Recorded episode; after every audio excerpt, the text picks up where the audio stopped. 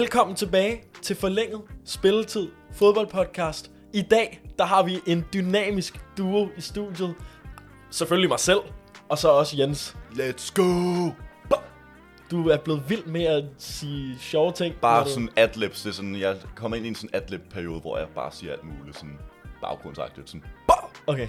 Også når du til eksamen, så er det bare rent... Alt det hele. Okay, altså. fedt. Ja. Ja, virker det for dig? Ja, nogle gange, ikke altid. Okay, kun nogle gange. Hvis man har en fed lærer, ikke? også så er det ja. bare sådan, oh yeah, let's get Fyrer this, også selv i nogen, let's altså. get this bread. det kan jeg godt præcis. forstå. Øhm, og for første gang, så har vi, siden vi vendte tilbage, der har vi formået at overholde vores to ugers løfte. Der er dog en, som der har faldet på vejen, har I måske lagt mærke til. Benjamin, han øh, kunne simpelthen ikke være her i dag. Men øh, mig og Jens, vi har prøvet at køre podcast sammen mange gange, så øh, Og det fungerede rigtig godt, hvis ikke bedre. Det er controversial, Hot det der, Jens. take. Det, det bliver Benjamin ikke glad for at høre. Jeg håber ikke, han hører det her. Nej, det håber jeg virkelig ikke. Men øh, udover sådan dine adlibs, har du det ellers øh, godt? Har du nogle planer her i påskeferien? Mm, Jeg har nogle planer. Rigtig skulle jeg måske til Jylland med familien, men der, der sker lidt for mange andre ting også. Jeg har en del påskefrokoster, jeg skal til. Og så også bare slappe lidt af, for det har jeg haft lidt brug for. Hvor Mm. jeg ikke lige gider den første uge at tænke for meget over lektier og sådan noget lignende. Det vil jeg først fokusere på sådan weekenden op til agtigt. Ja, Så- til, tilbage til skole, ikke? Præcis. Ja. Så ikke så meget ud over det. Og det, det er faktisk virkelig rart. Det har jeg lige trængt lidt til. Så Fedt. det er jeg glad for. ja. Har, du, øh, har du noget som helst skole øhm, i, sommer, øh, nej, i påskeferien? Nej, overhovedet ikke. Jeg har først skole igen. Ikke næste tirsdag, men næste tirsdag igen. Banger jo. Mega banger. okay. Så Super fedt. det er fedt. Og hvornår skal vi tilbage i skole igen? Er det før eller efter den 14. Det ved jeg ikke, Jens. Nej, never det, det, mind. nej, det er, det er før Ja, den det- 14. ja, det er det er før den skal bare lige 14. være helt Don't, don't you worry. Men Øhm, øh, hvad med dig? Hvordan går det? Jeg synes, sgu, øh, jeg synes, det går meget fint. Jeg har til gengæld lidt skole her i påskeferien, men Ah. det er meget let. Okay. Og, og så skal jeg måske over i sommerhuset på Ærø. Det bliver måske lidt sjovt. Mm, men, første øh, gang over at se det. Lige præcis. Spændende. Ja, spændende. Øh, jeg glæder mig til, at det bliver sommer, når man faktisk rigtig kan tage det over, fordi at vejret, det har jo ikke helt fulgt med, at det er blevet påskeferie. Jeg ser, at i påsken kommer det til at faktisk være bedre vejr. Det er ret fedt. Nice! Jeg glæder mig så meget. Ja. Allerede her på tirsdag skulle det være rimelig sådan 15-16 grader. Det er rigtigt. Ja, Det glæder jeg mig til. det bliver seriøst en af de bedste dage i lang tid. Og ved du hvad? Alle andre burde også glæde sig til, at det bliver så godt vejr, fordi at også det, at det er blevet påskeferie, fordi at nu hvor der er påskeferie, så er der mere tid. Når der er mere tid, hvad er der så mere tid til, Jens? Forlænget spilletid. Let's go! Lige præcis. Så øh, jeg synes, at i, altså, nu her i påskeferien, altså, så kunne man da godt lige lytte inde på Spotify, Apple Podcast eller Google Podcast. Og så selvfølgelig også følge med her på YouTube, fordi at det er jo lidt sjovt at følge med i, hvad der sker herinde i studiet, når, når mig og Jens vi snakker sammen. Lige præcis. Øhm, Og hvad, hvad skal vi lave i dag? det er fedt, du spørger, Jens. øhm, vi, skal, vi skal videre til at snakke om nogen, som der øh, også nyder, at de har fået noget ferie, tror jeg. Og det er nemlig Premier League-klubberne, fordi at de har godt nok haft travlt. Og øh, rettere sagt, så skal vi faktisk ikke snakke om Premier League-klubberne, men Premier League-spillerne øh, i, dag, i dag. Øhm, for øh, som vi har snakket om tidligere, i tidligere podcast, så har denne sæson nok været den mest turbulente Premier League-sæson, jeg kan huske. Altså, I længere tid i hvert fald. Ja, alle de seks store hold har spillet under niveau, udover Manchester City. De havde en, dår, og de havde en dårlig periode i starten. Uh, United, som ligger på andenpladsen, er kun estimeret til at slutte på 75 point.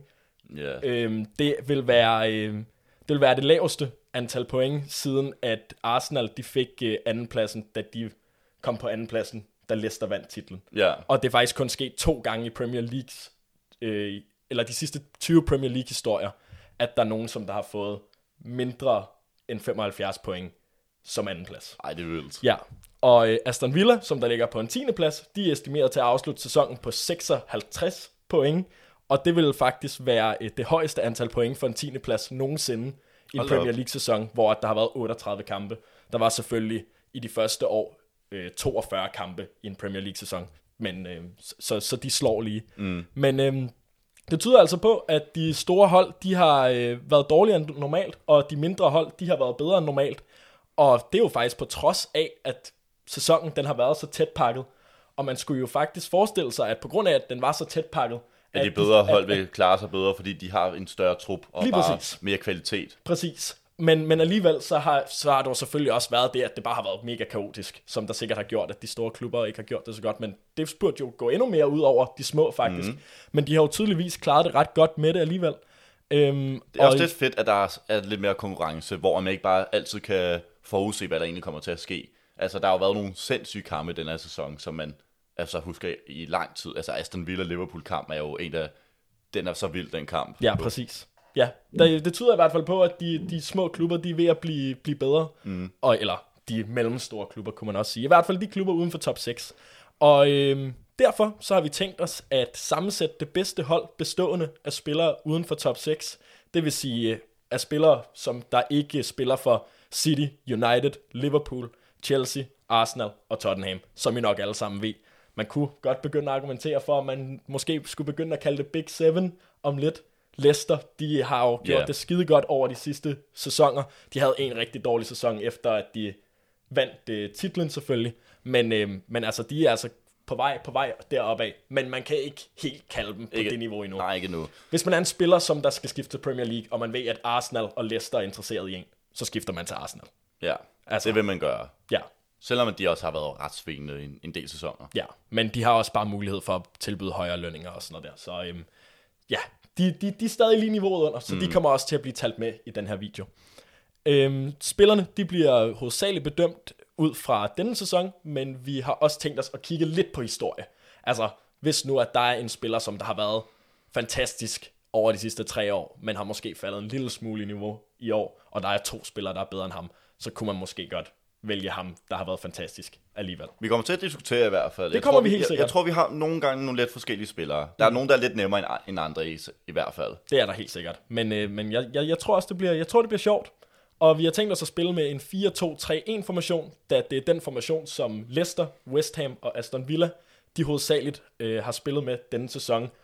Og man kan godt sige, at det er de tre klubber, som mm. uden for top 6, der har præsteret bedst.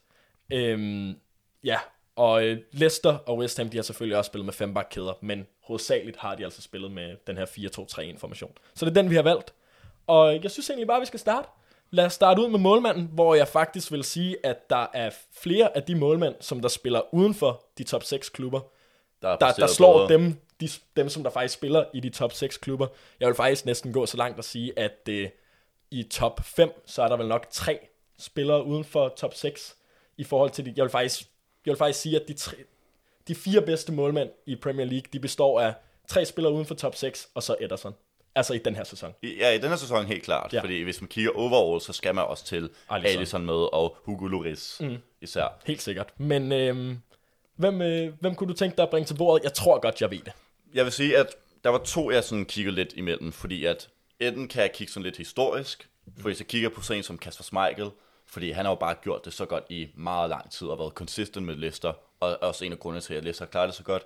Men den, som der har været bedst i den her sæson, og overrasker mig også mest positivt, det er jo Emiliano Martinez, Ja. som der, vi så jo lidt af ham i Arsenal lige inden han skiftede, hvor han lige stod nogle pokalkampe og sådan lignende, hvor Ja, han var, jeg tror, det var, han stod ret mange kampe i slutningen, da, øhm, også i Premier League faktisk. Ja. Også da, øhm, ja, da, da fodbold vendte tilbage. Jeg tror, at Bernard Bernard Leno var skadet. Ja, lige præcis. der. Ja. Hvor han viste sig at være rigtig god. Så jeg tror, det kom lidt som et over, en overraskelse af, at øh, Arsenal bare var sådan, så er det på tide, du skal væk. Ja. Øhm, så Aston Villa har virkelig fået et bangerkøb. Han er, jeg kigger lige på hans stats, 28 kampe. Hver anden kamp har været øh, clean sheet jo, Ja. med 14.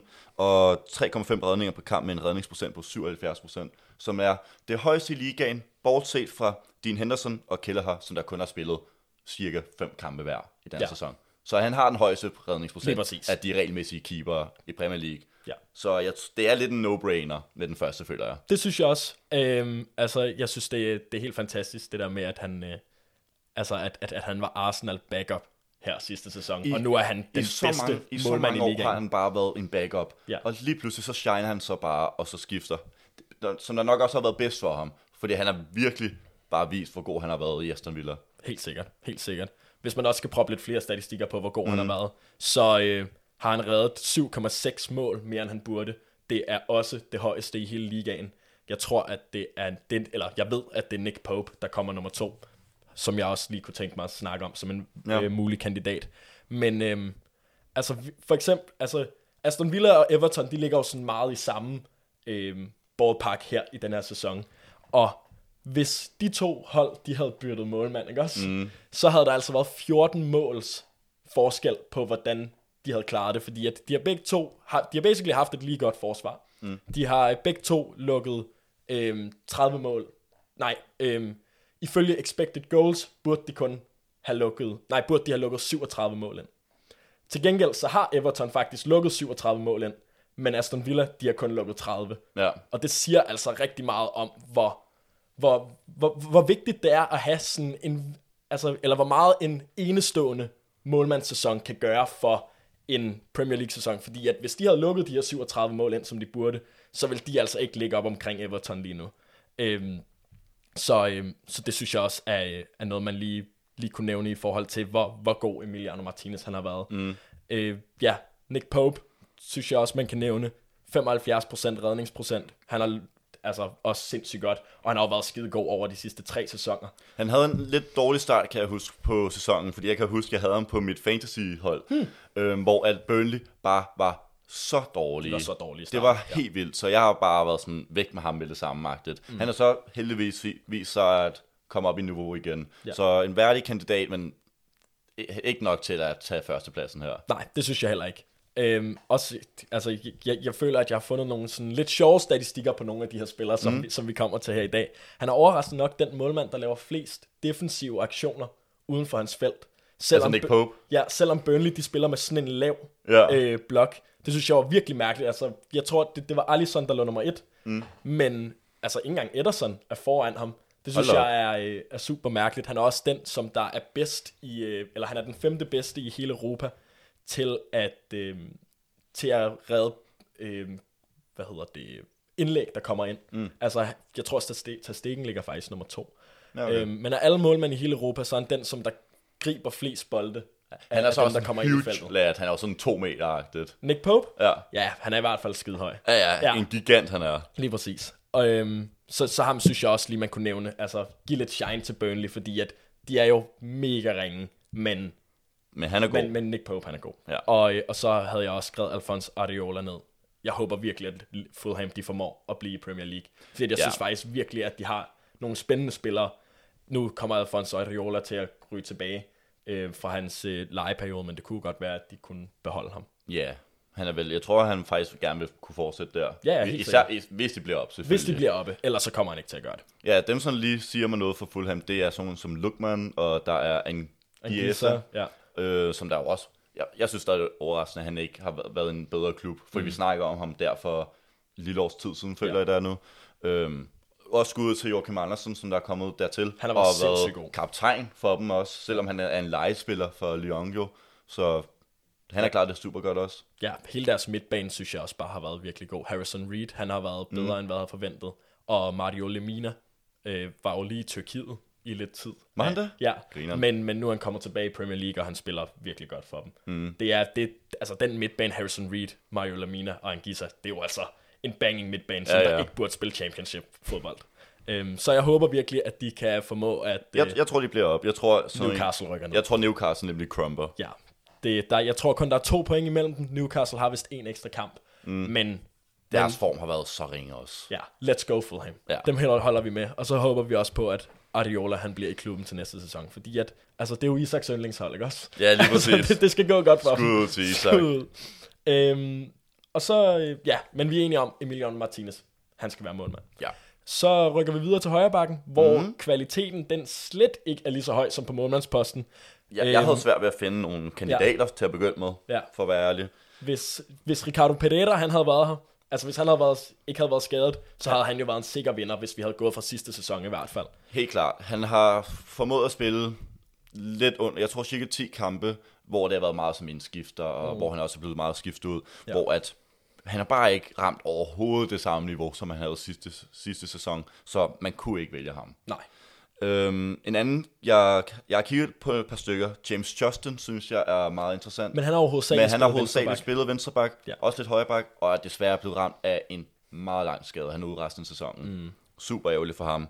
Øhm, så jeg har tænkt mig at nævne min egen West Ham-spiller, øh, Vladimir Kufal, ja. som der har været fucking steal for West Ham. Jeg tror, han blev købt ind for cirka 5 millioner euro. Mm-hmm. Som der bare har kommet ind og overtaget den her højreback-position fra starten af. Vi havde lidt brug for en, der jeg tror også, da vi fikset West Ham, var det højre bakken, vi også snakker om? Der snakker vi også om højre bakken, ja.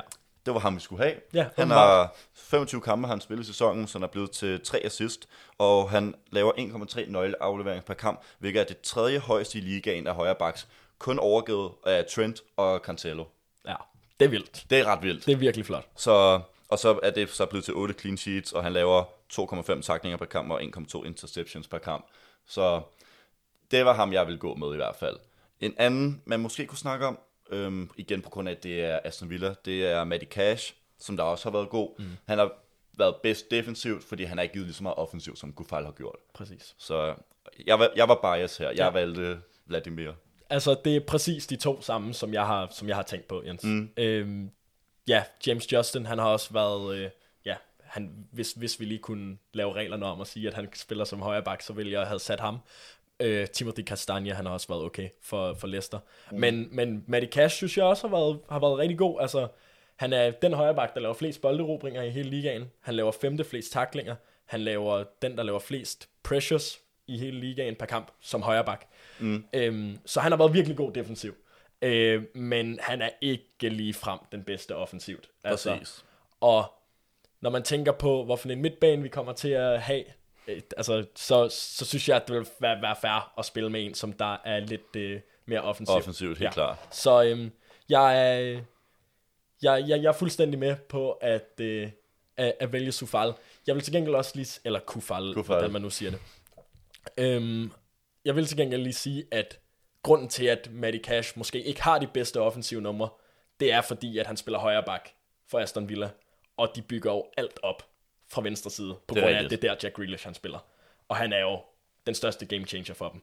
Øhm, klart. Og, og han laver jo alt det opbyggende spil. Så, øhm, så, så hvis nu, at det var sådan lidt mere... Øhm, hvis det var lidt mere lige på de to kanter, altså niveauet der. Så, Altså, øh, Aston Villas øh, ven- venstreback øh, havde han ikke Matt Target. Mm.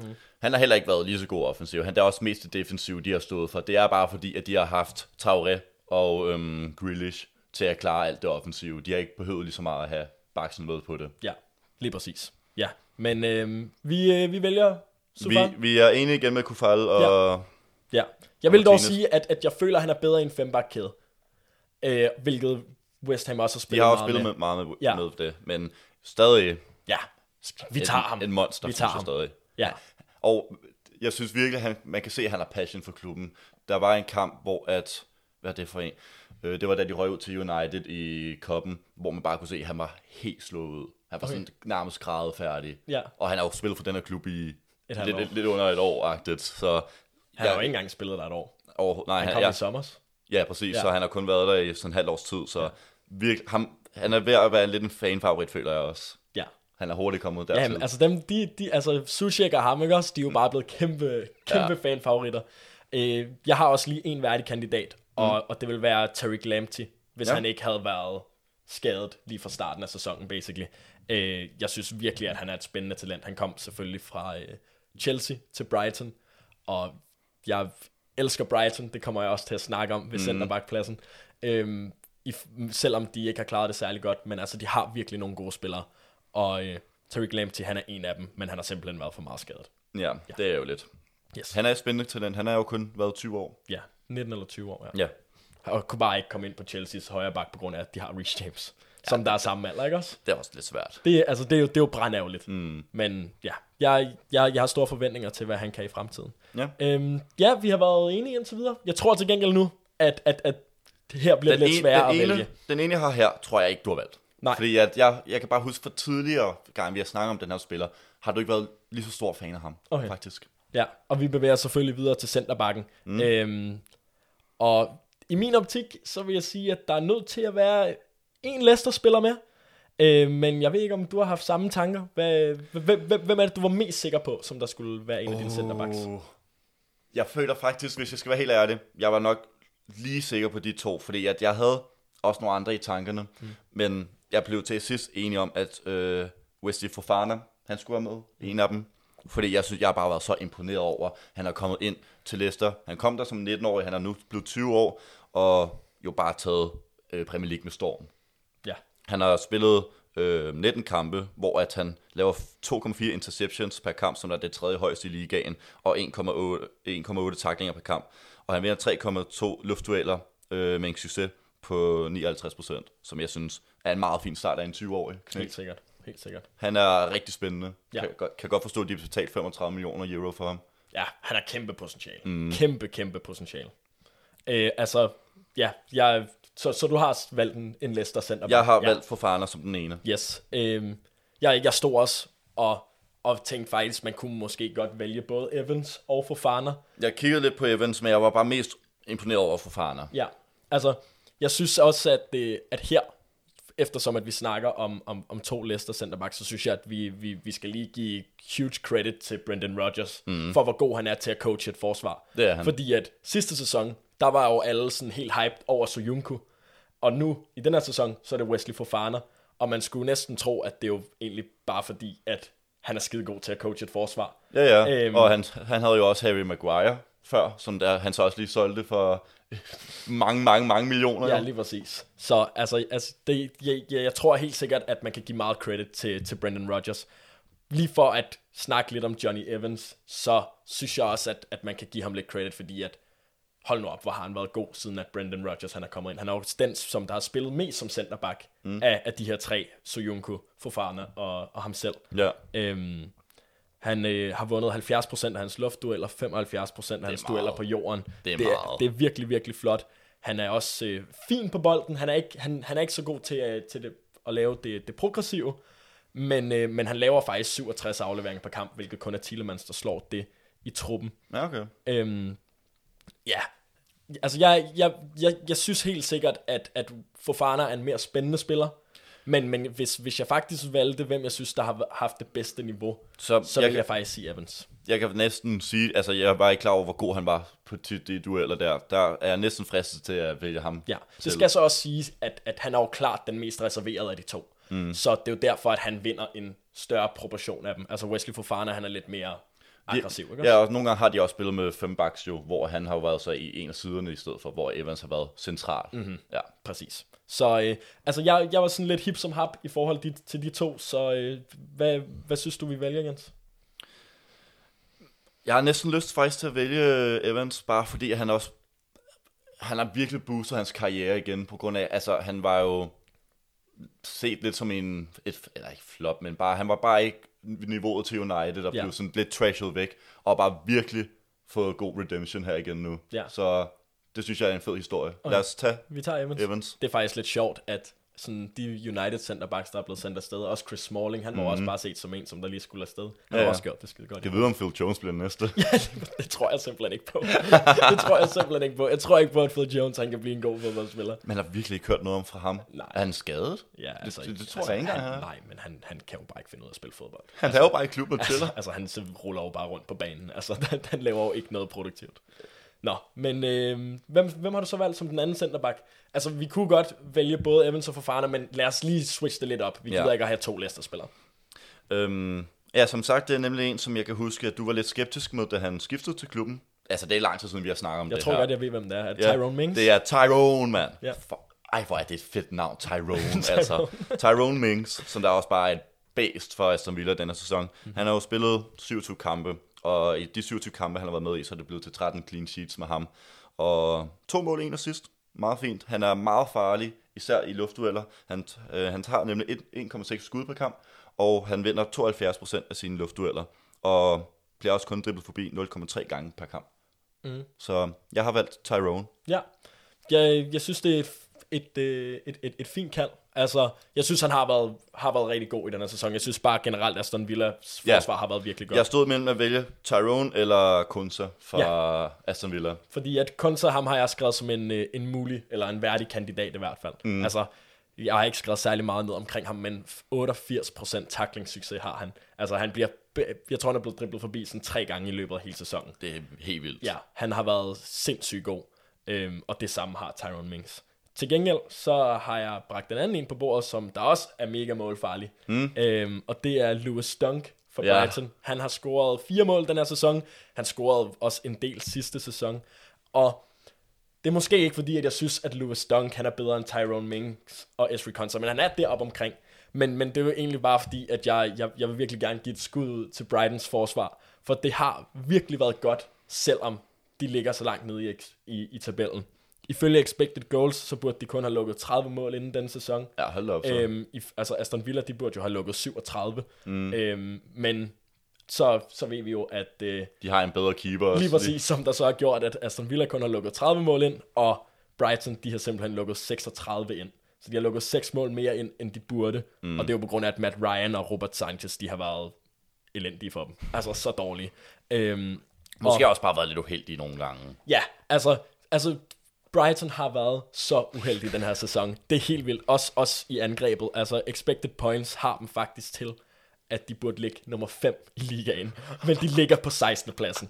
Altså, det- altså fordi Hvor er det vildt. Det, det, det er fuldstændig vanvittigt. Øhm, og altså, hver, hver, hver eneste gang jeg ser dem, så tænker, eller ser, hvor de ligger i tabellen, så er jeg sådan, okay, lige om lidt, så skal, de nok få, så skal det nok gå lidt bedre. Nu skal det nok gå lidt bedre. Og det går bare aldrig bedre, fordi at deres angriber, de kan heller ikke afslutte noget som helst. Mopay, jeg tror, at det Han havde en meget fin start, kan jeg huske. Ja, jeg, altså, ja, han har vist scoret 9 mål, det er jo okay. Men expected goals har ham til at skulle have scoret 15. Så mm. altså, der, altså, der kan man se, hvor, hvor gode de er til at kreere chancer, og at de bare simpelthen ikke sparker dem ind. Og kæmpe skud til Graham Potter for at, have dem, altså for at få dem til at spille så god fodbold. Altså han, spil, han trænede Øresund. Mm. Øh, nej, Østersund, hvor min familie kommer fra, op i Sverige.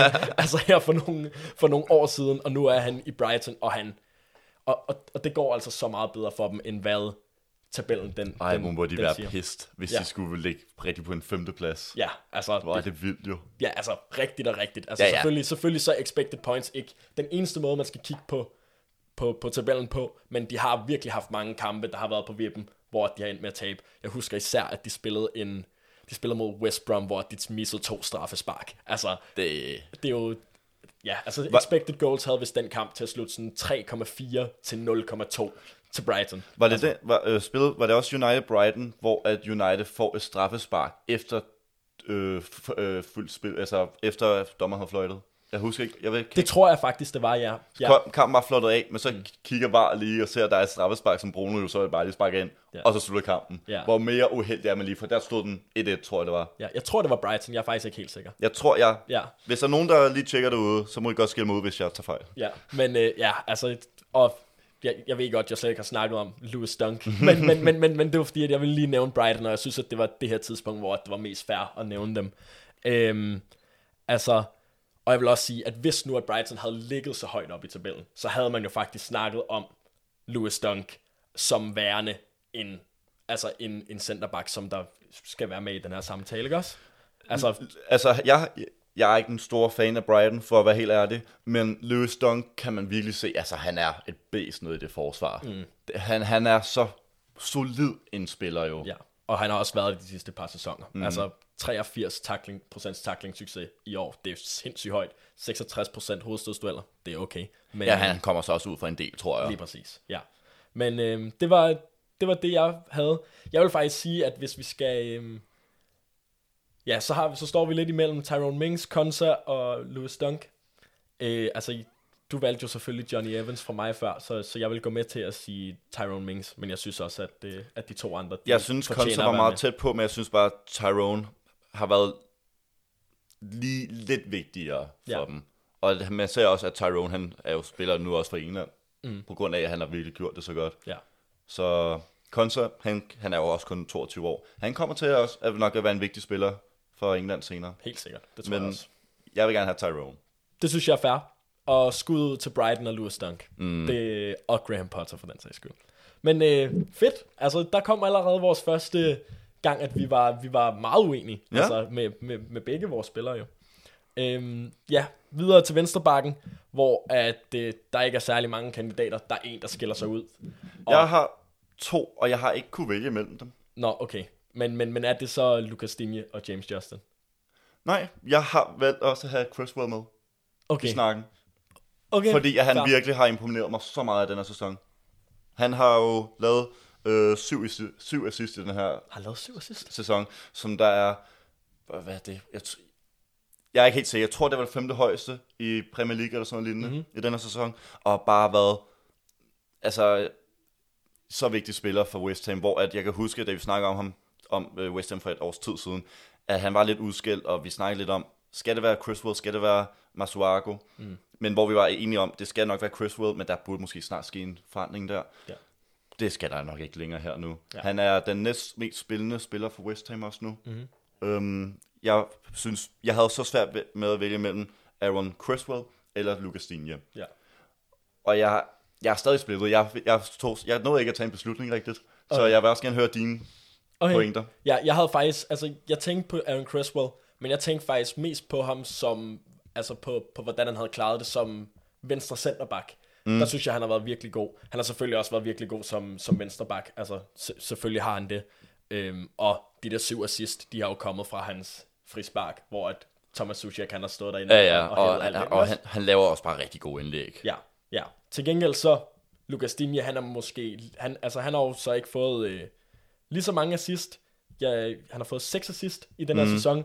Dem, dem, de kommer også fra, fra hjørnespark, men også mange af dem fra, øh, fra indlæg. Nu tjekker jeg lige. Det er 6. bedste i ligaen. Han er, jo, han er jo kun overgået af Heung-Min Song, Bruno Fernandes, Grealish, De Bruyne og Kane. Okay, det er Og, sindssygt. og er på samme fod som med øhm, Vardy og Rashford. Ja, det er vildt. Det er altså virkelig imponerende. Det, det, det er virkelig imponerende. Jeg, øh, men jeg synes stadig, at altså, hvis, altså Lucas Digne, han er næsten deroppe omkring. Altså 6 assist i 1800 minutter. Det er cirka et assist hver fjerde kamp. Han, han spiller lidt færre minutter. Han har nemlig også været skadet Præcis. i en del af sæsonen. Ja. Øhm, han, øh, han er også decent forsvarsmæssigt. Ikke, ikke noget mega specielt. 2,3 taklinger med 70% succes. Sjovt nok, så vinder han 3,4 hovedstødsdueller per Det så kamp. jeg godt. Det er det højeste i hele Europa for en bak. Det så jeg godt, og han er Ja. kun 1,78. Han er kun 1,78. Det er helt vildt. Ja, det altså skulle man ikke tro. Det er 50% flere end nummer to. Hold da kæft, mand. Ja, altså jeg, jeg, jeg forstår ikke, at altså, de burde måske bare tænke sig om og tænke, måske skal vi ikke slå lange bolde ud til, ud til Lucas Digne. Altså mm. fordi at, det, ja, det synes jeg også var mærkeligt, når han kun er 1,78. Men ja, det er hans offensiv kræfter, hvor han skiller sig ud. Mm. 2,2 skudkrægerende aktioner. Det er ikke særlig højt i forhold til, hvad det var sidste sæson. Der var det hele vejen op på 3,1. Øhm, han vil øh, fungere sindssygt godt med ham, som jeg forestiller mig, vi kommer til at vælge som venstrekant. Øh, fordi at han godt kan lide at trække ind i banen, og ham mm. her, han øh, godt kan lide at lave overlaps. Så jeg vil sige, at Lucas Digne, han skulle vælges på baggrund af, at, at Aaron Creswell, okay, han har været en god Premier League-spiller, men, men det er først i år, hvor han har været en enestående Premier League-spiller. Det, kan, det kan jeg også godt gå med til, fordi at Lucas Digne har vist mere, også forrige sæson især, hvor mm. han også var virkelig god. Ja, Så det kan jeg godt gå med til. Jeg vil bare sige kæmpe skud også til Aaron Criswell, fordi Ja. han har været så god for West Ham også i den her sæson. Mm. og kæmpe skud til James Justin også. Ja, jeg havde overvejet ham, men han blev ramt af skade. Han har også spillet både lidt højre og venstre øh, bak. Så jeg tænkte bare, desværre, du, Ja, altså det er en god gang. det, er, det, det er vildt, at man næsten ikke har lagt mærke til, at Ben Chilwell, han skiftede væk. Eller Ricardo Pereira også var skadet. Ja, præcis. Altså, han har jo spillet de to pladser for. Ja, det, han, han har gjort det virkelig godt. Men, Mm. øh, men Lucas Digne, han bliver valgt på, på baggrund, at, at han har været god den her sæson, men også på grund af, at han har været så skide god Ja. de, de andre sæsoner, han har været i Everton. Gammel Barca-spiller. Er det derfor, Jens? Mm. er det derfor, han er god? Simpelthen. Øhm, så bevæger vi os videre til altså nok den sværeste plads. Det her er den sværeste. Ja. Fordi jeg, jeg har stadig ikke... Jeg har, jeg har fire spillere, som jeg okay. Okay. har tænkt på. Jeg havde faktisk fem spillere, men jeg kunne tage en væk. Så kunne jeg tage en ekstra væk, men jeg har stadig tre spillere, som jeg ikke har valgt, hvem det skulle være, at, som der får de to sidste positioner. Ja, og altså, og det er jo ikke bare på grund af, at det, det, det er spillere, som der ligger lige omkring hinanden i niveau. Det er på grund af, at det er topklasse centrale defensive midtbanespillere. Mm. Altså, jeg vil sige, at der er mange af de her spillere, som der vil kunne styrke især Arsenal og Manchester Uniteds midtbane. Helt klart, helt klart. Øhm, de, de, burde, de burde begynde at kigge på dem. Øhm, jeg synes dog, at der i min optik er der to, der skiller sig ud. Øh, den ene på grund af det niveau, som han har vist den her sæson. Den anden på grund af, at han bare har været sindssygt god over flere sæsoner. Men øh, Jens, vil du ikke starte ud med at tale om Sushek? Ja, altså, det var så svært, at, fordi at jeg jo er West Ham-fan, og jeg vil ikke fremstå som bias, men det er svært ikke at kigge på de statistik som og de mål, han har lavet for den her klub. Han lavede her for nyligt også et hat for hans øh, nation, mm. som der jo også er så vildt af en defensiv midtbanespiller. Han har i Premier League spillet 29 kampe, som der er blevet til 9 mål af en defensiv midt. hvad er det, der foregår, altså. Og det værste er, ja, fordi det er helt klart luftspiller, han er mest farlig i. Men han, det er også bare skud. Han tager også bare mange skud jo per kamp, så Ja. det behøver ikke at være hovedstød det hele. Han er, han er den spiller i Europa, som der tager næstflest skud inde i boksen for en defensiv midtbanespiller. Mm. Det er kun Goretzka, som der, øhm, som der slår. Og jeg tror måske Casemiro også var deroppe af. Nej, han, øh, han har ikke fået taget så mange i boksen, men, men Goretzka, han, han ligger over. Altså, og de der ni mål i ligaen, de gør ham til den næst mest scorende midtbanespiller i hele Europa, hvis man ekskluderer straffespark. Ja. Altså for en midtbanespiller. Præcis. Det er, kun, det er kun Gundogan, som der slår ham. Og altså, her er Thomas Müller, Bruno Fernandes også talt med, og de spiller jo offensiv midtbane. Og også for et meget, meget, meget bedre hold. Præcis. Ja. Det er så imponerende, hvad han har gjort. Og han er jo lidt ligesom Moises øhm, Fellaini dengang Mm. i Everton. Han laver også det defensive med 1,6 interceptions og to taklinger per kamp og 2,8 clearinger. Og altså, han vinder 5,7 luftdueller per kamp. Ja. Det er vanvittigt jo. Ja, men det er igen det højeste i hele Europa mm. for en defensiv midtbanespiller. Så jeg havde svært ved ikke at sige, at Suchek, han skal være på det her hold. Mm. På grund af, at ja, det er så vildt, hvad han har gjort i den her sæson. Ja. Og også da han bare kom, for han kom sidste vinter, mm. hvor han også begyndte at score mål for West Ham der. Ja, ja. Han har jo været, altså, han har været god lige Han siden har været consistent hele. Der var lige de første to-tre kampe, hvor han også spillede mod de bedste hold i ligaen, hvor han havde det lidt sværere, det, det diskuterede vi. Men siden da har han bare været hjernedød. Kæmpe skud til ham. Ja, altså, jeg er, øhm, du, du nævner lidt hans defensive numre, de er jo ikke, de er jo ikke særlig amazing, men når Nej. man spiller ved siden af Declan Rice, så kan man ligesom tillade sig det, ikke også? Ja, det er jo det. Og, og altså, altså, han er sådan en sjov spiller, synes jeg, fordi at han er jo ikke særlig meget mere end en spiller, der er fantastisk god i begge bokse. Udover det, så er han selvfølgelig god til at komme ind i boksen, men, men, men han er jo ikke sådan en spiller, der er særlig god til at aflevere. Ja, eller sådan noget det er der. ikke det, at han er imponerende i lige, hvert fald. Lige præcis. Altså, han er en virkelig sådan, virkelig øh, en spiller, som der ikke har så meget kørende for ham, men det, han har kørende for ham, er bare ekstraordinært godt. Ja. Og derfor har han ligesom været så god den her sæson. Det er bare fordi, at Moyes han har formået at få det bedste, bedste ud af ham. Øhm, Jeg er så glad ja, for ham. Ja, altså, det er... Øhm, han, han, han er jo bare alt dominerende der i luften. Altså, og i begge... Altså, han er også den, der laver flest clearinger i, øh, i hele Europa. Hvilket jo siger lidt om, at, at han hætter alt ud, når der er hjørnespark, for Ja. eksempel. Så øhm, jeg, jeg vil være med på, at, øh, at Thomas Suchek, han helt sikkert skal være øh, en af dem. Han bliver nødt til det. Ja. Men igen, nu bliver det bare sværere nu, fordi så har jeg ligesom valgt en. Og, Men, ah, men hvem har du så stået imellem, Jens? Så kan jeg jo tage valget for dig bagefter. ja, fordi man skal snakke om Wilfred Ndidi, Det synes jeg også. på grund af hans defensive stats. Han er den i ligaen, som der laver flest interceptions og flest taklinger mm. per kamp. Det er jo, det siger en del for sig selv. Ja. Han er lidt en skadespladet spiller. Han har spillet øh, 17 kampe i denne sæson ud af 29. Ja. som der jo ikke er virkelig mange. Nej. Hvis man skal være lidt ondt, hund, altså rundt regnet, det er næsten hver anden kamp, han kun har spillet så. Ja, Ja, meget rundt regnet. meget, ja. Ja. Så, og han er der, selv, selvom så han også stadig lavet tre assists og et mål i de her, det er altså også stadig meget fine stats af en defensiv, defensiv spiller. Ja. Men jeg tror ikke ham. Du tror ham ikke? Nej. Okay. Jeg synes, fordi at han ikke har spillet nok i sæsonen. Okay. Ja. Så har jeg to tilbage. Okay. Og den ene, jeg bliver nødt til at sige det, det er Declan Rice, mm-hmm. fordi han har været så van- vanvittig også for West Ham. En rigtig, rigtig god leder. Mm. Og der er også øhm, rygter om, at han kommer til at være vicekaptajn, måske for England. Og i en alder af, jeg tror, han er 22. Er han overhovedet det? Jeg tror, han er yngre end det. Altså, jeg ved det faktisk Nu, ikke rigtigt. nu tjekker jeg lige for at være sikker. Han er 22, ja. Okay. Øhm, blev det i januar. Ja. Men han er, ja, han er 99, så ligesom os. Ja. Det er så vildt. Øhm, det var ham, jeg stod med. Og så også øhm, ikke den mest, altså ikke lige så meget defensiv type, men man kunne vælge lidt, om det skulle være CDM eller lidt sådan CM-agtigt. Ja. For man så også give kæmpe skud til James Ward-Prowse. Synes det, du det? Det synes jeg. Ja, det synes jeg. Jeg ved godt, at mange af hans mål har været frispark, men jeg synes virkelig, han har været så imponerende denne sæson.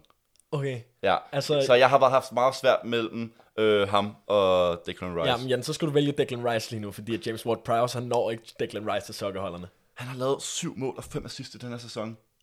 Ja. Det synes jeg altså... Men- Men, 12 men- målinvolveringer i en center midt. Ja, altså, det, det, det, er det, jo det er super fint, ja. Øh, til gengæld så vil jeg også sige, at hvis man har ham og Sushek spillende ved siden af hinanden, så har man ikke en, der er særlig god defensivt. Altså, Suchek er jo ikke... Altså, Nej, de laver, altså, de han er, laver altså, stadig... de er begge altså, to klart bedst i, i offensiven. Ja, ja, men han laver stadig James Ward-Prowse. Han laver stadig øh, 1,9 tacklinger, 1,3 interceptions, som der er fine, fine og... Jeg synes, altså, det er okay. Altså, altså, hvis man lægger de to numre sammen, ikke også? Så laver Wilfred Ndidi en tackling mere end det. Rolig nu, ikke? Og også 1,4 nøgleaflevering per kamp. Jeg synes bare, at man skulle give skud til ham også, så jeg har haft svært mellem dem. Altså, det vil jo være en midtbane, som der vil bestå af, af en, som der kan finde Nu, ud af nu har jeg heller ikke tænkt lige så meget over det, med at Okay. så er ikke lige så meget den defensive. Også fordi jeg havde ikke valgt, om det skulle være Declan Rice, James Ward-Prowse eller Suchek endnu. Okay. Altså, jeg vil sige, at, at, at hvis man har Suchek, så har man en spiller, som der er virkelig god i begge bokser, som vi lige snakkede om. Og så har man Ward Prowse, som der er god på dødbolde. Og hvad er han mere? Meget spilfordeler.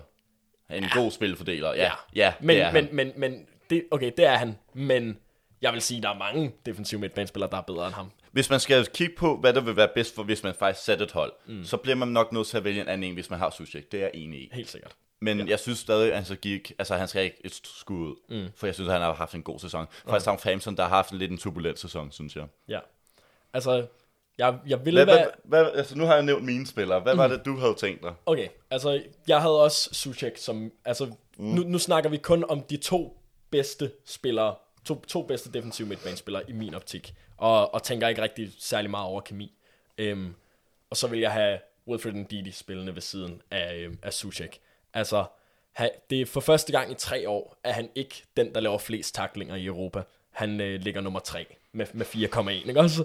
Og øh, han har tredje flest bolderobringer i hele Europa, i top 10 for blokeringer og i top 10 for clearinger, og have, altså, hvilket gør ham til den spiller i Europa, der laver flest defensive aktioner.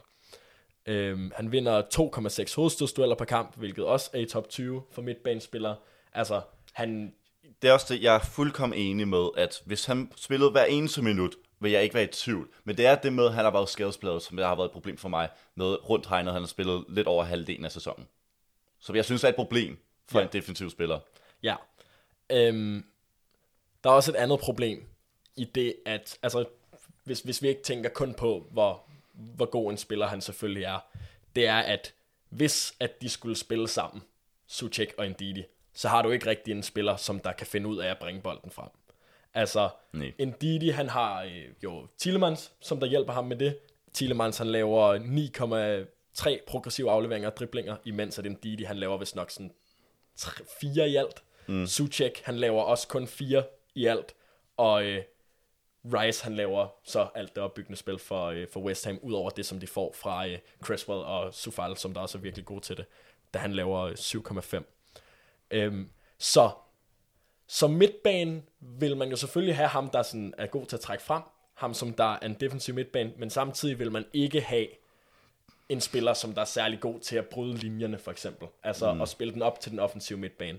Til gengæld, så øh, kunne man jo måske forestille sig en verden, hvor at man vælger to kanter, som der er exceptionelt gode til at bringe bolden frem i banen, og så er man ligesom, så, så synes man måske, at det er okay at have to, der ikke er særlig afleveringsdygtige derinde. Øh, Jeg synes i hvert fald, at det er Suchek og Ndidi, som der er de to bedste defensive midtbanespillere.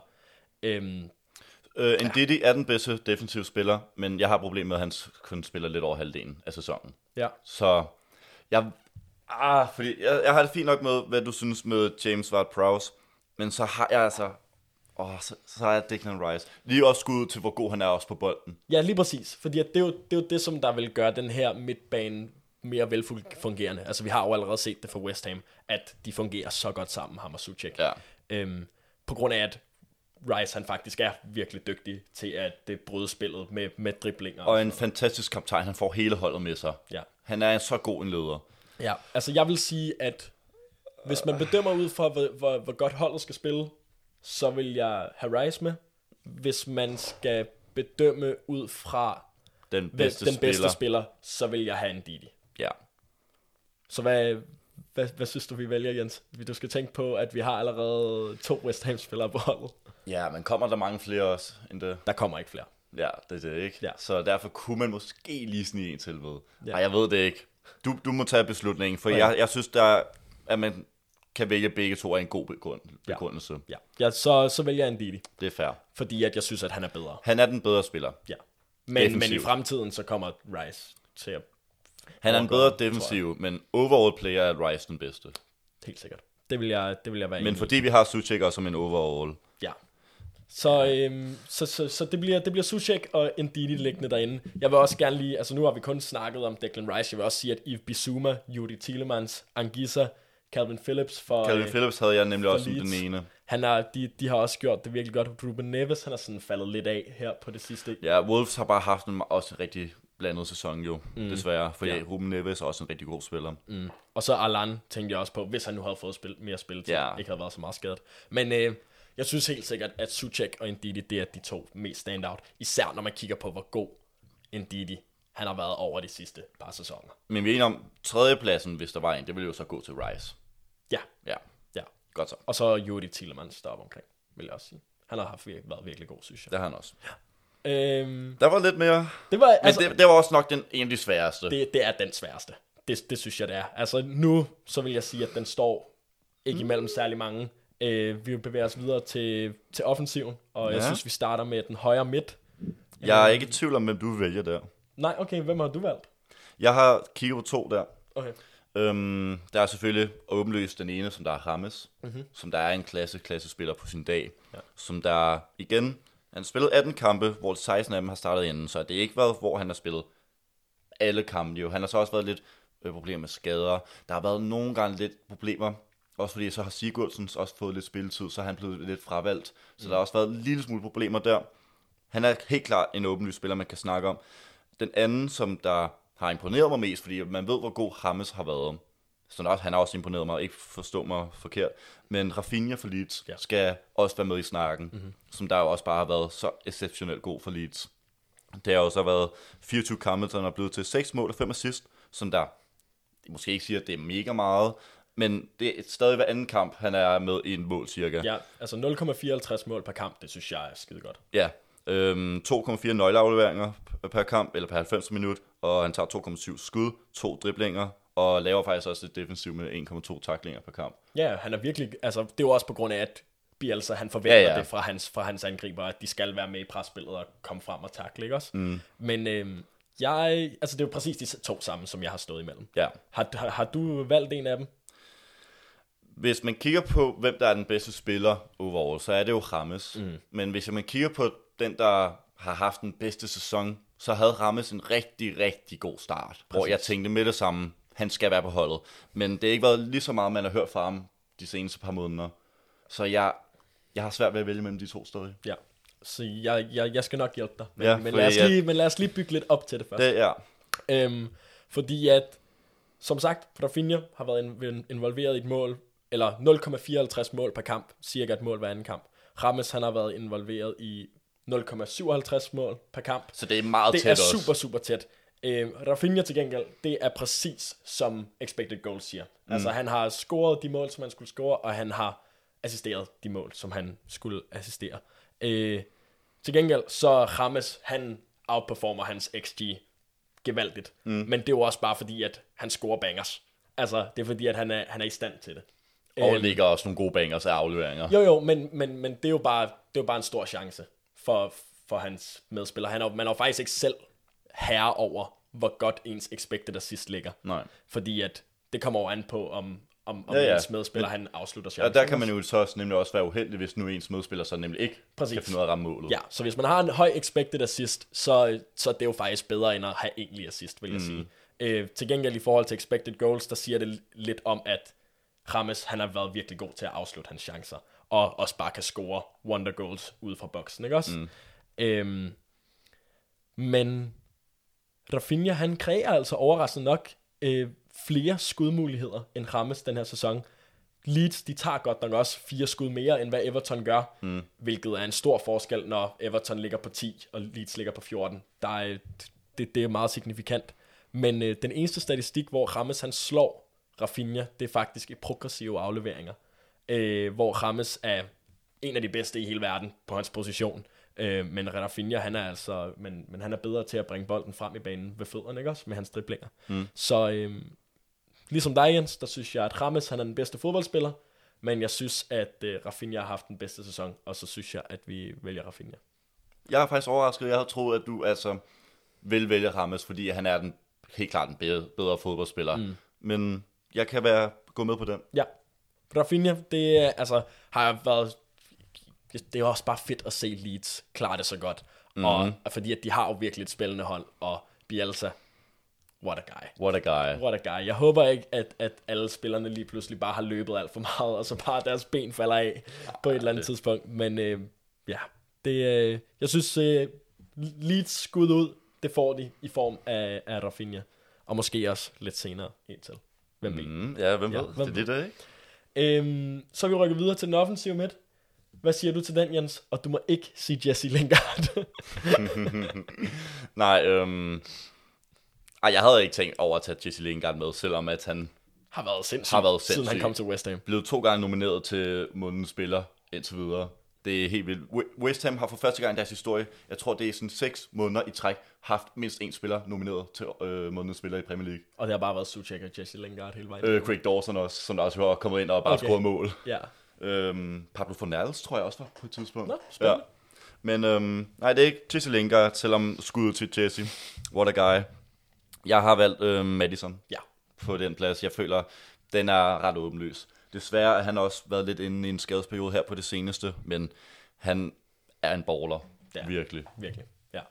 Øh, jeg tænkte også lidt på, om kunne man måske lige give sig lov til at spille Rammes ind som offensiv midt. Det er jo hans favoriserede Det er hans favoritposition, men han har spillet højre kant. Men han har sæsonen. spillet der, lige ja. præcis. Så, så jeg synes at det, også, at det, det er Madison. Øhm, han har nogle af de samme træk som, øh, som Rammes, synes jeg. Mm. Øh, han har øh, formået at score 8 mål og lavet 5 assist i den her sæson. Han har involveret i 0,74 mål per kamp. Det er virkelig højt. Til gengæld, så øh, har de her mål altså bare været absolute bangers, fordi at ifølge expected goals, goals burde han kun have scoret tre. altså, altså, altså de, her, Øj, de, her, de her mål, som han har scoret, de har, jeg tror, at den høj, nej, nej, ekskluderende et mål, så har den højeste øh, expected goal værdi været 0,05, hvilket vil sige, at der har basically været en 5% chance for, at den her, den burde gå ind. Jesus, øhm, så det siger lidt om, hvor, øh, om hvor gode mål han, han har scoret. Bangers. Ja, lige præcis. Jeg husker, og også, også bare svære afslutninger. Jeg husker, jeg satte den ene, hvor at han driblede lidt ud fra feltet, hvor han så tager den til hans venstre fod, og den bare klider op i hjørnet. Mm. Så lækkert. Ja. What ja, a guy. Lige præcis. Altså, Timo Werner, han burde få noget undervisning af ham.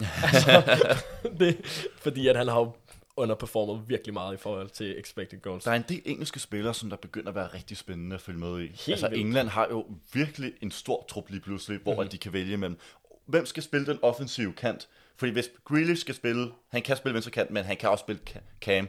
Men der er også lige pludselig Mason Mount, også, som der også har været en, en rigtig god sæson. Phil Foden. Og Phil Foden, ja, han ja. glemmer lige ham. Han kan ja. heldigvis også spille lidt kant. Ja, men, men, men jeg tror ikke, Madison han kommer med i truppen. Altså på grund af, at der er så, så meget konkurrence om den. Den burde han, nu er han selvfølgelig skadet, så han er ikke med nu.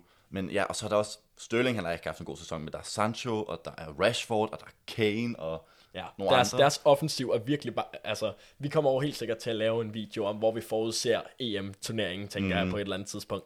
Og deres højre backs, de har sådan Kyle Walker, øhm, Trent og hvad hedder han nu lige? Juan Bissaka. Juan Bissaka. Altså, ja, Juan Bissaka kommer ikke med i truppen. Han har ikke spillet en eneste kamp for England. Hvad er der, der foregår? Ja. Han overvejer at skifte til, altså, nationalitet til Kongo, tror jeg nok, mm, der. Ja.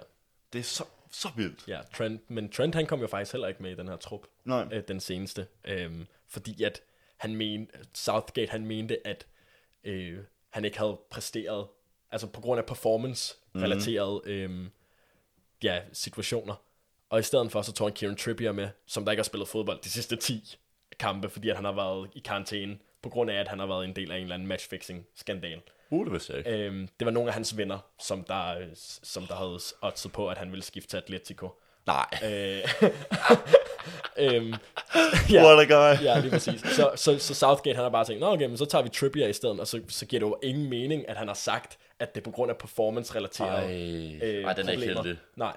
Øhm, så, øh, og så ikke bare, hvorfor ikke bare Wan Bissaka så i stedet for?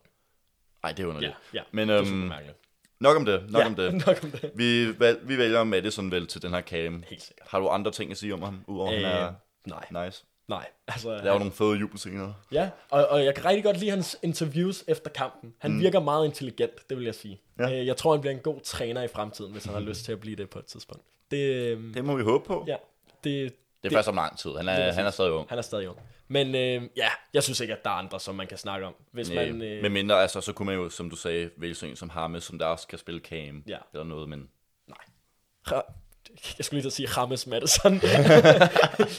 James Madison, det er ham, vi vælger. Og så venstre midt. Jeg synes ærligt, at det var det nemmeste af alle valg. Det selvom det. der er virkelig mange gode spillere på den her plads. jeg vil gerne være ærlig og sige, jeg har kun kigget på en. Ja, Fordi at, jeg, ved, jeg har ikke engang tænkt på andre end Jack Grealish. nej, Det skal ikke være andre end ham. of course not. Altså, 16 målinvolveringer i den her kamp i 22 kampe. 3,5 nøgleafleveringer, som er det højeste i ligaen, siger meget for, for sig selv. Mm. Han er så, sådan en god spiller. Altså, og, og han er bare... Og, altså, den måde, han bevæger sig med bolden, ikke også? Det ser bare så stilet ud. Mm, Virkelig. Altså, han har så meget flair. Det er helt vildt. Altså, jeg er så kæmpe fan. Jeg har kun én kritik af ham, og det er, at han falder meget lidt. Ja, Det gør han, og det gør han virkelig meget, desværre. men det er jo også fordi, at han er udsat. Altså, Han er også har, udsat, Han har ja. jo hele tiden bolden. Det er, det. Så det er lidt, lidt som sådan en spiller som Neymar. Altså, mm. de bliver sparket ned oftere. ja, Men ja, ja, det gør bare, det er stadig lidt irriterende, når, hvis han så heller ikke bliver ramt, når han så falder. ja, Men udover det, kæmpe baller. ja. Jeg dykkede lidt ned i, øh, i nogle af hans måske ikke så, øh, så veldokumenterede statistikker. Mm. Øhm, for, men, men, men dem kan vi lige tage, efter at jeg lige har sagt, at 6 mål og 10 assist for Aston Villa, det, altså det er 41 procent af alle mål, han har været involveret i for dem. Øh, og de mål, hvor han ikke har været direkte involveret, der har han helt sikkert været Haft en del af. På grund af, at 12,5 progressive driblinger, det vil ikke sige, at han har driblet forbi en spiller, men det vil sige, at han ligesom har bragt bolden frem i banen mere end 10 meter, mm. øhm, imens han har været på bolden.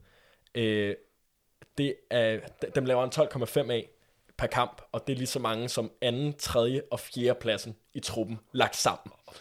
Øhm, den eneste spiller i hele Europa, som der er bedre til at lave de her progressive driblinger, eller få bolden frem i banen med bolden ved sine fødder, det er Lionel Messi. I hele Europa. Øhm, Ved du, hvor mange Messi laver? Eller? Me- Messi laver sådan måske 15 eller sådan noget. Ja, okay. Så stadig ret langt foran, men, men, men altså, jeg tror, at, at tredjepladsen, det, tredjepladsen er faktisk Pedro Neto, som der også spiller venstre Ej, hvor vildt. Ja, øh, han ligger omkring 10 eller sådan noget. Så, så, så Jack, altså Lionel Messi er klart nummer et, Jack Grealish er klart nummer to, og så kommer Resten. resten. resten ikke også? Øhm, han er også øh, den spiller, der har kreeret tredje flest skudmuligheder i Europa den her sæson. De eneste, som der ligger foran ham, det er Messi og Bruno. Jeg tror, han ligger på en syvende plads i forhold til øh, per kamp.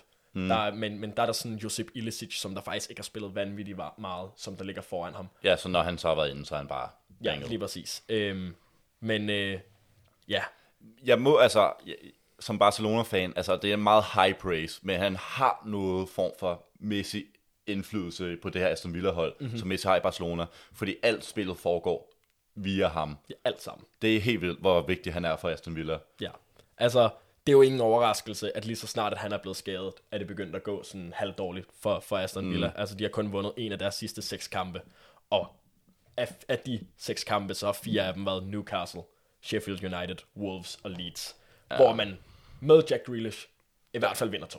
Der skal man vinde næsten alle. Ja, det, altså, sige. altså man, man skal gøre det, men ja. det er jo ikke sikkert selvfølgelig. Øh, jeg vil faktisk gå så langt at sige, at, eller det, det er ikke særlig controversial der, men han er, den, han er helt sikkert den bedste spiller uden for top 6. Øh, og jeg vil også have ham i min måske sådan top 10-5 over bedste spiller i hele ligaen.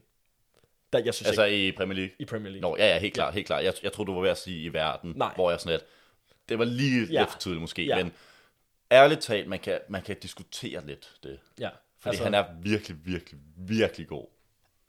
det, ja, altså bare, bare, bare den måde, at han river Aston Villa, altså han, altså det, det, er så sandt, han har nogle Messi-vibes. Det altså, har han virkelig. Selvfølgelig slet ikke det samme niveau, men han er altså for sindssyg. Influence på Ja, det hold i hvert fald. Ja, det, det er måske også det, som der gør, at man, man ser ham som værende lidt bedre, end, end hvad han måske egentlig er. Hvis han nu spillede for Manchester City, så vil der jo være andre spillere, som der Ja. vil hjælpe til med at bringe den Det er frem, rigtigt. ikke også? Så, men ja, Men skal stadig credit for, at han kan gøre det for et, et hold som Aston Villa. Mhm. Mm-hmm. Fordi så tænker man også, ja, man vil måske ikke lægge, lægge lige så meget mærke til ham i- for de store hold, men han burde kunne gøre det endnu bedre med bedre spillere rundt omkring sig. Ja, ja. Det, ja, ja. I hvert fald lige så godt. Mm. Og det er jo sindssygt. Ja, Øhm, jeg, det, han har jo faktisk i øh, før sæsonstart, der skrev han faktisk under på en kontrakt, der er fem år lang. Så den udløber først i 2025. Hold da kæft. Øhm, og det synes jeg faktisk er super ærgerligt, fordi at jeg kunne virkelig godt tænke mig at se ham spille for en af de største klubber i England. Mm, bare fordi, altså, Altså han er god nok til Real Madrid. Jeg vil tage ham i Real Madrid. jeg vil sige, at selvom man forlænger kontrakter, det kan også be- betyde, at man ligesom aftaler indbyrdes. Vi forlænger den her kontrakt, så min price tag går op, ja. og I får mere ud af mig, når, ja. hvis jeg gerne vil skifte. Mm-hmm. Det kan sagtens betyde det. Og det jeg forventer også inden for de næste to sæsoner, at han et andet sted. For ellers vil det være ærgerligt. Ja. Fordi forstår mig ret, Aston Villa har klaret det rigtig godt den her sæson, men han har så meget højere niveau end dem, mm. og kan klare det meget bedre. Ja. Ja, han er, han er, han er for fed. Altså, mm. det, det er en af mine yndlingsspillere at se spille fodbold. Ja. Virkelig. Øhm, og altså, det at, det at vi bare har sagt Jack Grealish lige med det samme, det er jo faktisk, altså det, det siger også noget om, hvor, hvor god han virkelig er, fordi at der er altså gode mulige kandidater mm. på den her venstre kant. Altså Richarlison, han er jo skide god for Everton. Pedro Neto, som jeg lige nævnte, han laver jo alt det progressive for Wolves. Øh, Harvey Barnes har haft en virkelig god sæson for Leicester, så er han så blevet skadet, ligesom alle andre for, mm. for Leicester er. Og, og Wilfred Zaha, han har jo været en god spiller over de sidste mange sæsoner, men der er ikke nogen af dem, der når Jack Grealish til sokkeholderne. Nej, overhovedet ikke, overhovedet ikke. Nej. Altså, jeg kunne have kigget på andre spillere, men det, jeg tænkte bare, hvorfor? Ja. For jeg ved, hvem jeg vil vælge. Præcis. Ja. Jeg har også bare skrevet nogle navne ned. Ja, ja. Og, og ikke mere end det. Jack Grealish, 100%. Altså, bedste spiller uden for top 6. Mm. 100%. Og øh, nu kan vi måske blive, der kan godt være lidt mere diskussion i forhold til, eller der kommer helt sikkert til at være mere diskussion, men, men, øh, men jeg ved ikke, hvor meget der kommer til at være. Øhm, fordi at øh, nu bevæger vi os videre til angriberne. Mm. Der er virkelig mange gode engelske angriber, hvilket må gøre det sindssygt svært for Southgate at udtage tre til EM. Ikke Og, nok med, også at- rigtig fedt, for at være ærlig. Ja, ja, altså det er jo et luksusproblem, Ja, ja, ja. også? Altså fordi at ikke nok med de spillere, som vi kommer til at snakke om nu, så er der selvfølgelig også Harry Kane og Tammy Abraham. Øh, Tammy Abraham, han har selvfølgelig ikke spillet så meget, men Harry Kane, han skal jo med. Ja, ja. Øhm, jeg gætter også på, at du kun har kigget på engelske angriber. Har jeg ret i det? Øhm, ja. Ja. Det har jeg. Ja. øhm, lad mig høre, hvem du, øh, hvem du har tænkt på. Jeg har, hvis jeg... Jeg havde nok... Lige hurtigt, jeg vil bare lige tjekke for sjov, hvordan har Antonio været sådan statsmæssigt og sådan lignende. Fordi Altså- at jeg har ikke taget med, det skal jeg Nej. lige sige her, her hurtigt. Jeg vil lige, jeg kigger lige på Miguel Anto- Antonio, bare fordi jeg også så godt kan lide ham. Hmm. Jeg har ikke taget ham med. Han er ikke på niveau med de her tre, jeg har kigget mest på. Øhm, jeg starter med at kigge på Calvert-Lewin, øhm, Patrick Bamford og Jamie Vardy. Ja. Og jeg sorterede øh, Calvert-Lewin fra, Okay? Mm. Ud, fra, øh, ud fra den her sæson. ud fra den her sæson, selvom jeg synes, at han er rigtig spændende. Mm. Han, er, han er nok den spiller, jeg kan bedst lide af de tre, Calvert Lewin. Ja, det, det tror jeg også. Jeg synes bare, at han er helt fantastisk i hovedspillet. Præcis. Altså, jeg elsker sådan en spiller, hvor man bare tænker, han kan et eller andet helt ekstraordinært mm. med én ting. Men øhm, ja, så er der jo kun Patrick Bamford, som der er meget, altså man har altid kendt hans navn, fordi han kom også fra Chelsea og bare spillet lidt lavere rækker, mm. og lige pludselig har gjort det rigtig godt i Premier League. Og så er der selvfølgelig Jimmy Vardy, som vi alle sammen kender, som der har været consistent i så mange år nu for Leicester. Som det er helt vildt imponerende. Han er jo 34 i dag, og har stadig den her hastighed. Det er sådan noget med, at han undgår at løfte vægte, så han stadig kan være skinny og hurtig. Mm-hmm. Ja, i, i Leicester, så han træner ikke rigtig sådan... Nej. Og det kan man også godt se, han er en Ja. skinny lad, men Virkelig. en farlig lad. Helt sikkert. Øhm, jeg vil gerne høre først, hvad du siger, faktisk. Altså, jeg synes, jeg, jeg har haft syv engelske angriber op at vende. Det er vildt. Men, men, men jeg synes, altså, ligesom dig, Michael Antonio, havde jeg med på grund af, at han kan et eller andet helt specielt, som ingen andre angriber kan, sådan basically hele verden. Og han er også bare, hans personlighed løfter ham altså også lidt Ja, op. lige præcis, han er så sød. Ja. Ja. Det er han virkelig. Øhm, men, men ja, ham kan man godt sortere fra. Så Ollie Watkins, han har også haft en god første Ja, ja, sæson han... for Aston Villa. Han er jo også blevet kaldt op til, øhm, Mhm. til England-truppen. Jeg havde ham også på listen til at begynde med, men måtte, man måtte ligesom sortere nogen fra. Lige præcis, så har jeg også sorteret fra.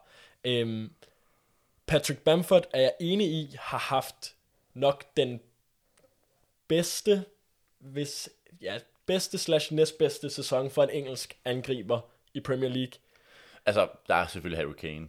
Nå, nå ja, jeg mener øh, Okay. for top 6. Okay. U- af, af, af dem, som jeg har kigget på. Øhm, der, der er han... Øhm, det, det vil jeg være enig i. Til gengæld, så er det hans første sæson i Premier League, hvilket jeg også tænker lidt på. Og han spiller for et Leeds-hold, som der er super offensivt. Og selvfølgelig så kommer man til at score mål for Leeds. Altså det tror jeg, en hver mand kunne gøre. Ja, ja, men stadig, jeg vidste ikke, hvad, om Leeds ville kunne holde niveauet i Premier League, som de så har kunne, gjort, fordi de har scoret mål, de har så også bare lukket mål ind også, Mange. rigtig meget. Sindssygt mange. Ja. Så det var, altså det er stadig svært lige pludselig skulle spille mod meget, meget bedre spillere øh, og klubber ind i ch- Championship. Ja, ja, men de har jo, men de har jo stadig beholdt deres identitet. Mm. Så, så de, de spiller, altså de, ja, de, de, de er jo bare blevet ved med at score mange mål, og derfor så er Bamford også blevet ved med at score mange mål. Jeg vil sige, jeg er meget mere im- imponeret over Bamfords sæson end Vardy. Og en som, altså, fordi Vardy har haft en fin sæson, men øhm, han har også haft syv straffespark, scoret seks af dem. I, og det er jo så hver anden mål, han har scoret, der har været straffespark, Ja. som jeg ikke er lige så imponeret over. Nej. Han har så også haft syv assists, når der også er rigtig mange. Så Vardy han har været med i 19 målinvolveringer i den her sæson, og Bamford har haft 20. Ja. Så, og det er meget statsmæssigt nu. Ja, ja. Men derfor siger jeg, at han har været den næstbedste. Hvis jeg, altså Kane den bedste engelske mm. angriber i denne sæson, og så har jeg faktisk Pat, Patrick Bamford som næstbedste. Ja, altså ud fra den her sæson kan jeg godt se, hvorfor man vil sige det. Man skal også tænke på, at han har jo basically spillet hvert eneste minut for Leeds. Jamie Vardy, han har været Han har, haft lidt, han har også været lidt nogle små skadesproblemer, så han Har har Bamford det? Ja. Nå, okay, jeg tror han har spillet hver eneste minut, stort set. Øh, jeg synes også, at, at Calvert-Lewin, han, han helt sikkert kan mm-hmm. nævnes her. Altså, han har scoret 14 mål, han var jo on fire lige i starten, men, men så, altså Everton har bare ikke haft et særligt sådan spændende angreb. Det har været ret kedeligt at se dem, synes jeg. Altså, Det, og det er lidt underligt, fordi de har Calvert Lewin, Richarlison, øh, Rammes, og så har de også en som Lucas Digne, som der også laver sindssyge indlæg. ja, lige præcis. Så man skulle forvente mere. Ja, altså, altså 10 skud per kamp, det er altså lidt, synes jeg. Det, det er sådan rimelig kedeligt. Ja. Øhm, så, så jeg vil heller ikke, altså, jeg synes, at man bliver nødt til at putte Jamie Vardy ind. På grund af, at han har scoret 20 plus mål i tre Premier League sæsoner, sæsoner tidligere. Altså, Men, ja, men vi jeg, kigger på denne sæson. Jamen, jeg ved godt, at jeg, det, det ved jeg godt, men altså, jeg, jeg, jeg synes, at, at hvis man kigger bare sådan lidt historisk, så skiller han sig jo så meget ud fra de andre. Der er selvfølgelig også Danny Ings, som der scorede 22 mål for Southampton sidste sæson. Øhm, nu har han så kun scoret 8 i år, mm. men med skader. Øhm, så jeg synes, at man skal proppe ham ind. Det er, det, er, det, er jo, det er jo også det, vi hele tiden har snakket om. Skal man kigge på lidt legacy? Fordi jeg er helt klart, Vardy er den bedste spiller af de to. Mm. Eller kigger man på kun sæsonen? Ja, Og jeg er mere imponeret over Bamford. jeg kan godt forstå det. Fjerde flest målinvolveringer i Premier League, ja. Sammen med Salah. Ja, jeg kan godt forstå det. Jeg vil også gerne lige, øh, altså, endnu et skud ud, faktisk, som en, som jeg har været så imponeret over. Mm. Callum Wilson. Ja, prøv høre. Han, jeg har så ondt af ham. Ja, hvis, New, hvis Newcastle de bliver i Premier League, ikke også? Så er det udelukkende... Han skal have en statue foran stadionet. så er det kun på grund af, hvad han præsterede, før han blev skadet, ikke også? Mm. Altså, han har scoret 10 mål og lavet 5 assist for dem. altså. Det vil sige, at han har været involveret i, I alle deres mål, ej. 54 procent. ja. Det er jo fuld... Altså, altså jeg vil faktisk sige, at, at hvis, man, hvis man tænker sådan, hvem har været det største one altså klart det største one-man team, så er det Callum Wilson. Hvem har været den største game changer, så er det ham. Ja. Øhm, til gengæld, så har han jo været skadet allerede i sådan en halvanden måned, og han kommer til at være ude resten af sæsonen. Så Rip øh, Newcastle. ja, lige præcis. Han skal væk derfra med det samme. Det skal han virkelig. Øhm, super ærgerligt at rykke ned med Bournemouth, og så skifte til Newcastle og så rykke ned igen. Han har Øhm, fortjent bedre. altså, jeg synes, at man bliver nødt til at vælge Jamie Vardy. Det synes jeg. Så vælger vi ham ud fra historisk set. Ikke Ja. for den her sæson. Nej, det- Fordi at hver anden mål har været på straffe, mm. synes jeg ikke er Nej. det bedste. Det er rigtigt.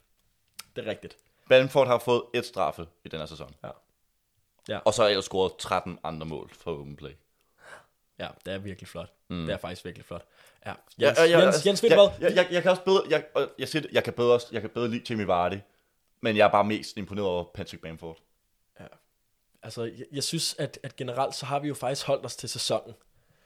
Måske sådan en Didi Rice. Det Nu sådan, valgte det vi også, sådan meget lige. vi valgte også Rafinha, Ja, på grund af... selvom, selvom Rammes er klart en bedre spiller. Ja. Ja, men det er fordi, at altså, altså jeg er stadig skeptisk over for, selvom, altså selvom Bamford har haft sådan en vanvittig sæson, så er jeg stadig skeptisk over for, om, om han kan blive ved. Og på han af- niveauet, ja. Ja. Øhm, og om det kun er på grund af, at han spiller for Leeds, hvor at de får så mange chancer. Altså, er det derfor, at han scorer så mange mål? Er det derfor, at han laver ret mange assist? På grund af, at de bare er så offensive, som noget hold overhovedet kan være. Øhm, men ved du hvad, Jens? På grund af, at vi holder os til, hvem det er, der har været bedst denne sæson, så vælger vi faktisk Patrick Bamford. Men Vardy er klart den bedste spiller, det er jeg ikke, Ja. altså, det er vi alle sammen enige om. det kan godt være, at han måske ikke er det længere. Men, men jeg synes, at man skal putte noget respekt på, at han har scoret 20 plus mål i Premier League i, i tre sæsoner forinden. Og været lojal for Leicester også, at blive der. Ja. Selv, altså, hvor at Kante og Marlis forståeligt nok lidt, altså bare har skiftet jo væk, Ja, og så vundet Premier League igen. ja. De havde jo så også lidt alderen på deres side. Altså, de er jo forholdsvis meget yngre, end hvad Jamie Vardy er. Ja, ja. Det var derfor, at Jamie Vardy ikke blev købt af nogen, på grund af, at han var 27. da Arsenal skulle have gjort det dengang, der var rygter om det. hjem. Det, det synes jeg. Ja, ja, Han har afvist sig at kunne holde det her niveau i så mange sæsoner nu. det er rigtigt. Han er en legende i Premier League. Ja, Det er han. Ja, altså sådan, på grund af hans historie. Altså det, at, det, at han kom så sent til Premier League, og så lige så snart han kom til Premier League, så var han bare amazing. Ikke, altså også på grund af historien, men Ja. også så mange mål, han har lavet. Mm. Han, han er han, det, altså, jeg ved ikke, om det er et hot take. Jeg synes, han er en af de større engelske øh, legender i Premier League. Ja. Og så også, altså, mm, det, det, det, det vil jeg ikke være, altså ud fra hvordan han har spillet, vil jeg ikke være enig, men ud fra at han også vandt Premier League. Han slog den der rekord med flest mål i træk og sådan noget der. Altså, var det 13, 13 kampe i træk, ja, lige præcis. for et Leicester, sådan, der nærmest lige var rykket op. Ja, Altså, legende. ja. Det, det, kan vi, det kan vi godt blive enige om. I hvert fald for Leicester. I Ja. hvert fald for Leicester. Jeg ved ikke, om han er, jeg ved, for Leicester. Jeg ved ikke, om man, han, er, han er sådan en, man kommer til at tænke tilbage på om, om 20 år og tænke, nej, Jamie Vardy, what a striker. Altså, Det tror jeg. Okay, det det tror tror jeg faktisk, ja. Fair nok. Men så har vi simpelthen sat holdet. Ja, Det, øh, jeg synes, at, øh, at nu hvor at vi er nået hertil og samlet et hold uden for top 6, skal vi så ikke lige sammenligne med, med Arsenal slash Spurs eller sådan noget. Mm. Øhm, så øhm, vi har jo selvfølgelig Emil- Emiliano Martinez på mål. Øh, I Arsenal der har de Bernd Leno, og i øh, Tottenham har de Loris. Ud, altså historisk, historisk er de to jo bedre, Leno Ja. og Loris. men ud fra den her sæson, så er Emil- Emiliano Martinez jo den bedste i hele Premier League. Ja, jeg vil vælge ham frem for dem på mit hold. Det vil jeg også. Ja, ud fra den her sæson. Ja. Ja. Så højre bak, der valgte vi Sufal. Der har de så Bellerin slash Aurier, eller Doherty. Jeg synes Doherty, han er elendig, men ja. Øhm, Ja, og så har Arsenal også haft Cedric. De har også haft Cedric, ja. Øh, der, der synes jeg, at, at Arsenal og, og Tottenham spilles er bedre. Det synes jeg, de er. Altså, måske, ja, men igen, så, så er det den her sæson, ikke også? Ja, altså, hvis... Jeg er ikke imponeret over, is... I- ikke øh, Arsenals Bellerin Nej. eller Cedric. Der synes jeg, historisk har Bellerin haft lidt S- svingende sæson. meget sådan, svingende karriere generelt set. Ja. Var meget lovende lige i starten, da han kom til Arsenal som ung spiller. Mm. Jeg vil, og det er ikke engang fordi, jeg prøver at være bias her, jeg, jeg synes, at Sufal er den bedste spiller der, sammen med måske Aurier. Ja, jeg synes Aurier, han er virkelig, virkelig god. Men han har også bare, altså han får bare hjerneblødninger sådan mm. en, en, tre gange i løbet af en sæson, hvor han bare laver noget mega dumt. Ja, Øhm, Og og, og, derfor, Doherty- og derfor så bliver han set i et ret dårligt lys. ja. Ja, og Doherty han er dårlig. altså det er han. Han kan spille i en fembakkæde, derfor Wolves. Udover det, så kan han ikke noget. Så jeg vil nok, hvis jeg skulle range, øh, rangere, mm. øhm, fuck det, øh, Sufal nummer et, øh, Aurier med Spurs, Ja. og så Bellerin for Arsenal. Ud fra den her sæson kan jeg godt se, hvor du ja. Kommer fra. Ja. Centerbacks, der har Arsenal, de har jo skiftet så meget, men skal vi sige... Gabriel. Og Gabriel. Ja, Ja. Og så har vi selvfølgelig... Hvem var det? Tyrone. Tyrone Mings og, Og- Johnny Evans. Johnny Evans. Og så har Spurs... Ja, de har jo Eric Dyer og Alderweireld. Ugh. Føj, Eric Dyer. Puh. øhm, der er det bedste. Altså, Ja. Johnny Evans og Tyrone Mings, de er bedre end, end, end de to Gabriel kan man diskutere også er op i snakken, fordi han er en god spiller, synes Ja, jeg. men... Og Alderweireld. ja, og der, og der vil, øh, det sagde jeg ikke rigtigt. Nej, det, det ved jeg heller ikke, om jeg gør, Jens. Men øh, ja, men så problemet for Arsenal og Spurs, det er Arsenal, de har David Luiz, og Spurs, de har Dyer. ja, Diabolical. Diabolical, exactly. Så vores er bedre der, Igen, vil jeg sige. Ja. Nummer to er det, hvad vil du sige? øhm, jeg vil sige, at... Pff, øj, det, Jeg tror, åh, Altså, altså jeg vil faktisk, på grund af, at Spurs, de er, har sådan en negativ, altså, altså profilmæssigt, der vil jeg mene, at Arsenal er bedre, fordi at deres centerbacks er ikke lige så beskyttet, mm. som hvad Tottenham centerbacks er. Ja, og, men til gengæld Alderweireld, han har jo til gengæld været fantastisk god. Jeg synes, den er meget lige blandt de to. Ja, det de er jeg- lige dårlige. Ja. Øh, okay, nu får vi dem på nakken. Jens. Jeg kan allerede mærke det. Øh, venstre bak, der havde vi Lucas Digne. De har Tierney i Arsenal, og de har Reguilon uh. i Spurs. Jeg vil faktisk sige, at både Reguilon og Tierney er bedre end, øhm, end Digne. Jeg synes, Tierney han er amazing. Og jeg synes, Reguilon han er vanvittig. Og jeg ved det ikke. Kom, øhm, kom med et hurtigt svar, Jens. Altså, de er bedre end, end altså, Lucas Digne. Han er, han er næsten deroppe omkring, men jeg synes, de er Digne er bedst offensivt, men Tierney og Region er den bedre overall Ja. bak. Men hvem er bedst? Er det Tierney? Jeg vil sige, Tierney er nummer et, og så vil jeg sige Reguilon, og så vil jeg sige... Men det er meget tæt stadig, Det synes er jeg. super tæt. Super tæt. Ja. Men, øh, men Tierney, han er virkelig fantastisk god, synes jeg. Mm. Øh, defensiv midtbanespiller, der har... Og vi har Sushik og så en Didi, mand. Ja, og Tottenham, de har øh, Højbjerg og, Og Ndombele, som der faktisk- Virkelig godt. Mm. Og så har Arsenal jo så Thomas Partey, Granit Xhaka. Jeg ser allerede nu, Arsenal er nummer sidst. Ja. Har jeg. Ja. Selvom jeg synes, Thomas Partey er god, men han er også meget skadet, desværre. Mm. Ligesom en Didi. Øhm, Ud fra den her sæson, så er, så er Suchek og, og, og Ndidi jo den bedste. ja, altså det Altså. er de. Selvom at både, øh, jeg synes Højberg har gjort det rigtig godt. Han er lige blevet årets mandlige spiller for Danmark. Mm. Og en Dombele, han kan noget, men han mangler stadig lige det sidste for at nå et niveau højere op, synes Ja. jeg. Så jeg vil sige vores igen, faktisk. Yep, jeg er enig. Mm. Øh, højre Vi kant, udraderer dem jo, altså. det gør vi faktisk. Højre kant, der spiller vi Rafinha. Tottenham, der spiller de jo med Bale her for tiden. Han har Ja. jo begyndt at være rigtig god, lige siden at vi trashede ham i vores rangering. Han hørte, der blev ked af det. Lige præcis, så bliver han bare ked af det, og så begynder han at være god. Og så øh, højre midt Er det for... Saka, eller, Ja, det, eller Pepe? det er Saka. Ja, Det er Saka. så gør det lidt, lidt sværere, nemlig. Ja, jeg synes Bukayo Saka er den bedste. Den her sæson. Jeg synes, det er helt fantastisk, hvad han har præsteret. Ja, han løfter det her Ja, Arsenal-mandskab. altså, han har jo været den bedste for Arsenal den her sæson. Ja. Og han er 19 år gammel. Det, det kan jeg godt gå med Ja. til. Og så, på det seneste Bale har jo været en bedre spiller. Ja, Sæsonmæssigt har han jo ikke, Nej. men ja og så har de jo spillet med Lucas Moura også derude. Men der, der synes jeg, at Rafinha slår. ja. Ja. Men- Så Tottenham kommer på den sidste plads der. Uff, Øhm, offensiv midt, der er James Madison, der er Martin Ødegaard slash Emil Smith Rowe, og så har vi... det kommer nok til at være med Ødegaard for nu af. Ja, Efter ja, ja, hans helt præstation i sammen mod West Ham. Ja, den var... Er du sindssyg, hvor var han god. Jeg håber virkelig, han kommer tilbage til det. please, please. Øhm, for, for Tottenham, Det der har... er Lucas Moura for tiden. De Okay. spiller ham som offensiv. Okay, Ndombele, han har også spillet lidt deroppe. Men ja, men det er Lucas Moura, fordi han er bare den løbestærke, som der skal løbe. Ja. Han laver ikke så meget andet. Nej. Så igen, på den sidste. Yep. Øhm, så er det Madison som, og Ødegaard, hvor at Madison har jo haft klart den bedste Ja, sæson, på grund af, at Martin Ødegaard kom ind i... og Martin Ødegaard kommet ind sent. Ja, Potentielt Martin Ødegaard. kan Martin Ødegaard godt blive bedre, men Madison kan også blive rigtig god. Så ja, det er altså her nu, Madison, Ødegaard, Lucas. Ja. Jeg synes, Martin Ødegaard er lige så god som Madison. Øh, men, men, men, men på grund af, at han kun har haft så få kampe, så synes jeg, at det er Det, svært at jeg, bedømme. jeg synes, det er for tidligt at sige det. Lige præcis. Ja. Øh, venstre kant. Der har vi Grealish. Ja, altså. Men de har... Okay, vel, så er det Heung-Min Son. Åh. Uh, ja. Og hva- så er det, hvad, Aubameyang?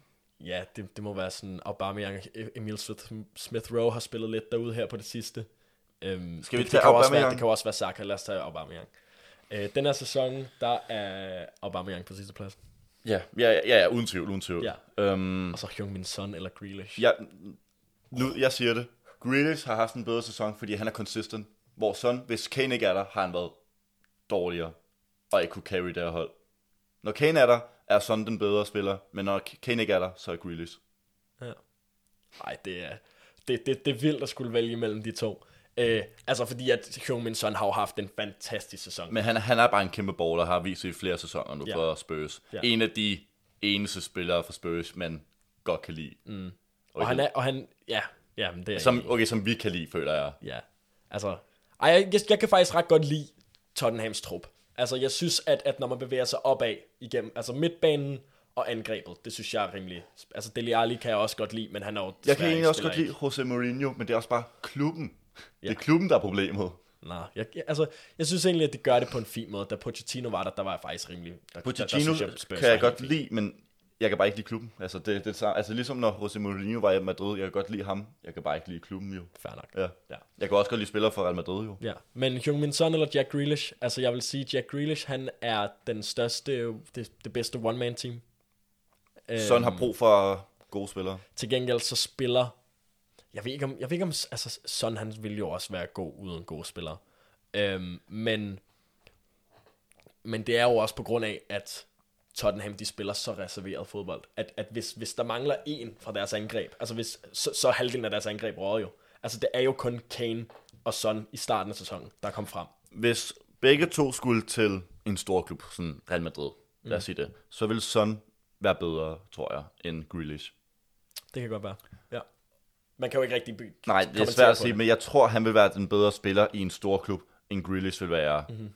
Så skal vi sige sådan, for os at være lidt søde over for Spurs nu. Ja, det synes jeg. Vi siger sådan, Ja, og så Grealish. Men Grealish er lige hælende på dig sådan. ja altså de er jo... Men, men samtidig så kan jeg bare bedre lide Grealish. Altså det, det kan jeg bare. Men sådan kan man også godt lide. Ja, det kan man også godt. Nå, angriber.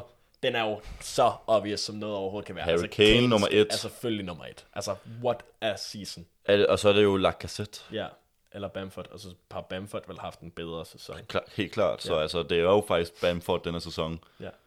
Altså Legacy er det jo stadig Lacazette, men Ja. svingende er han jo. Det, men, øh, men det vil altså sige, at, at det her hold her, det, det vil kæmpe med om, øh, om Champions League. Nu kæmper selvfølgelig øh, Arsenal og Tottenham ikke, eller Tottenham kan stadig godt nå at få noget det er Champions League, hvis de er meget heldige, men Arsenal når det jo ikke. Øhm, Men mindre de vinder Europa League jo, så er de jo med i det Champions er jo League. rigtigt. Men, men de ligger altså deroppe omkring det, det her Helt hold, klart. helt sikkert. Øhm, så øh, det synes jeg var rigtig sjovt. Mm. Det synes jeg var spændende at snakke om nogle spillere, som man måske ikke snakker lige, så meget om. nej. Øh, det var sådan, det var også, man måske fik nogle gode idéer til nogle vi fikser serier. Hvem, hvem skal man bringe på banen til en eller anden? Mm. Også fedt nok, at vi også er lidt u- øh, uenige med nogle af spillerne. Præcis. Men Jeg- vi blev til sidst enige, vil jeg tidspunkt. sige. Ja. Jeg kan huske, da vi skulle sætte sådan U21 hold sidste år, der var det jo bare, altså, De samme spiller det var vi. jo bare de ja. samme spillere. Men det er fordi, at der er jo ikke særlig mange spillere, som der slår igennem som 21-årige. Det Nej. er der jo bare ikke. Øhm, og det kan man vel egentlig også se på, at der ikke er nogen 21-årige på det her hold, som vi har sat. Eller under. Nej. Nej. Declan Rice, han kom tæt på, og han er 22. Ja. Øhm, nå, men øh, det var simpelthen det. Det var alt det fodbold, vi havde at snakke om. Mm. Til gengæld, så øh, skal vi også gerne høre, hvad, hvem I kunne tænke jer at have med på det her hold. Er der nogle spillere, som I føler, at der bare skal spille? Er, det, vi, er vi helt dumme i hovedet med at nævne nogle af vores spillere? Ja. Er, er Jens lidt for biased med, med West Ham? Ja, det er han. Men, øh, men, men, være, men, men- men de har også været gode i den her sæson. Øhm, ja, Lige hurtigt, hvor mange kom der fra West Ham? Suchek. Suchek. Det var kun to, Ja. der blev valgt. For Ja. jeg kunne forstå med Lucas Digne. Ja, og Declan Rice, han var tæt på. Ja, Ja. det var han altså. Yes. Det, jeg tror, det var Leicester, som der havde flest spillere. Evans, Ndidi og Madison. Ja. Og så Jamie Vardy var også. Altså Villa havde også nogle nu. De har jo Emilio Martinez, de havde Tyrone, de havde Grealish. Nå ja. Ja, Damn. damn. Leeds med to også. Ja, Ja, ja. ja, ja, okay. Altså, Det- man, man, man kan godt se, hvilke hold det er, der har klaret sig Mm. allerbedst. Det, det kan man i hvert fald godt. Øhm, men i hvert fald, fortæl os, hvem I kunne tænke jer at se på det her hold. Men øh, nu skal vi bevæge os videre til spørgsmål of the day. Og øh, ja, som altid, så øh, på grund af, eller ikke som altid, som vi gjorde sidste gang, på grund af, at Jensen lavede sådan et godt kald med, at I skulle skrive nogle spørgsmål of the day, så er der en, der har sk- skrevet ind. Han hedder WT. Øh, Skud WT. Skal vi, skal vi prøve at gætte på navnet? William, William Tevo. William Tevo. Skud ud til William Tevo på det her spørgsmål. Øhm, og han spørger, øh, hvad er noget, som I synes er over slash undervurderet? Det kan være fodbold, det kan være mad, det kan simpelthen være alt. Nu ved jo folk jo tydeligvis godt, at jeg synes, at mango er overvurderet. Ja, det tror jeg, du har sagt tidligere. Som det også er. Og overvurderet betyder ikke at betyde, at det er dårligt. Nej. Jeg, jeg kan godt spise mango, jeg synes, det er okay, mm. men folk praiser det som noget af det bedste. I hvert fald, det er overvurderet. Noget andet, jeg har, det er lidt- svært lige at finde på noget on the spot. Um, kan du ikke komme, har du en god idé indtil videre? Altså, altså jeg, jeg ved i hvert fald noget, vi kommer til at være uenige om. Ost, ikke også? Hold kæft, hvor er det er overvurderet. Du, får, du kommer til at få hate for det der. Ost er seriøst gud jo. Jamen, det, det er jo det, folk siger. Og den er bare slet ikke med på. Jeg kan spise ren ost. Altså, ja, jeg det ved jeg godt, Jens. Jeg ved godt. Det har du set. ja, det, altså, jeg har set det mange gange. Altså, nej, jeg kan ikke fordrage det. Øh, det skal ikke komme i nærheden af mig. Altså, bare lugten af det. Det altså, altså, altså, lige så snart, jeg kan huske, mit værste mareridt, da jeg var lille, det var at gå ind i et storcenter og gå, gå forbi en osteforretning. Nå. Jeg var sådan, hold nu op, vi skal gå den anden vej, mor. Altså, vi skal gå hele vejen rundt om, selvom vi skal ind i butikken lige ved siden af. Nu fik du også lidt et, øhm, et chok dengang, vi skulle lave mad sammen, sammen med nogle andre drenge, hvor vi skulle lave en pizza. Og der kom lidt for meget ost på. Det kan jeg godt indrømme. Okay, du kan godt indrømme, ja. At der kom for meget ost på. Altså, vi spiste ost med pizza, Jens. Ja. men forstået stadig sådan, for meget ost er ikke godt, men det skal stadig smage fint. Jeg kan sagtens spise sådan en pizza. Ja, fair. Nej, det er, det er, det er simpelthen... No. Tænk, du siger, ost er overvurderet, mand. Jamen, det er det jo. Det er det bare ikke. Altså, i min optik...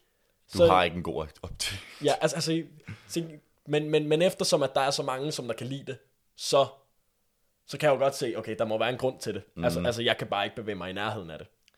Åh, jeg prøver at tænke på et eller andet. Uh, øhm, jeg har en ting. Jeg synes, at film er mega overvurderet. Og ja, det er nærmest Bare generelt film. bare generelt film.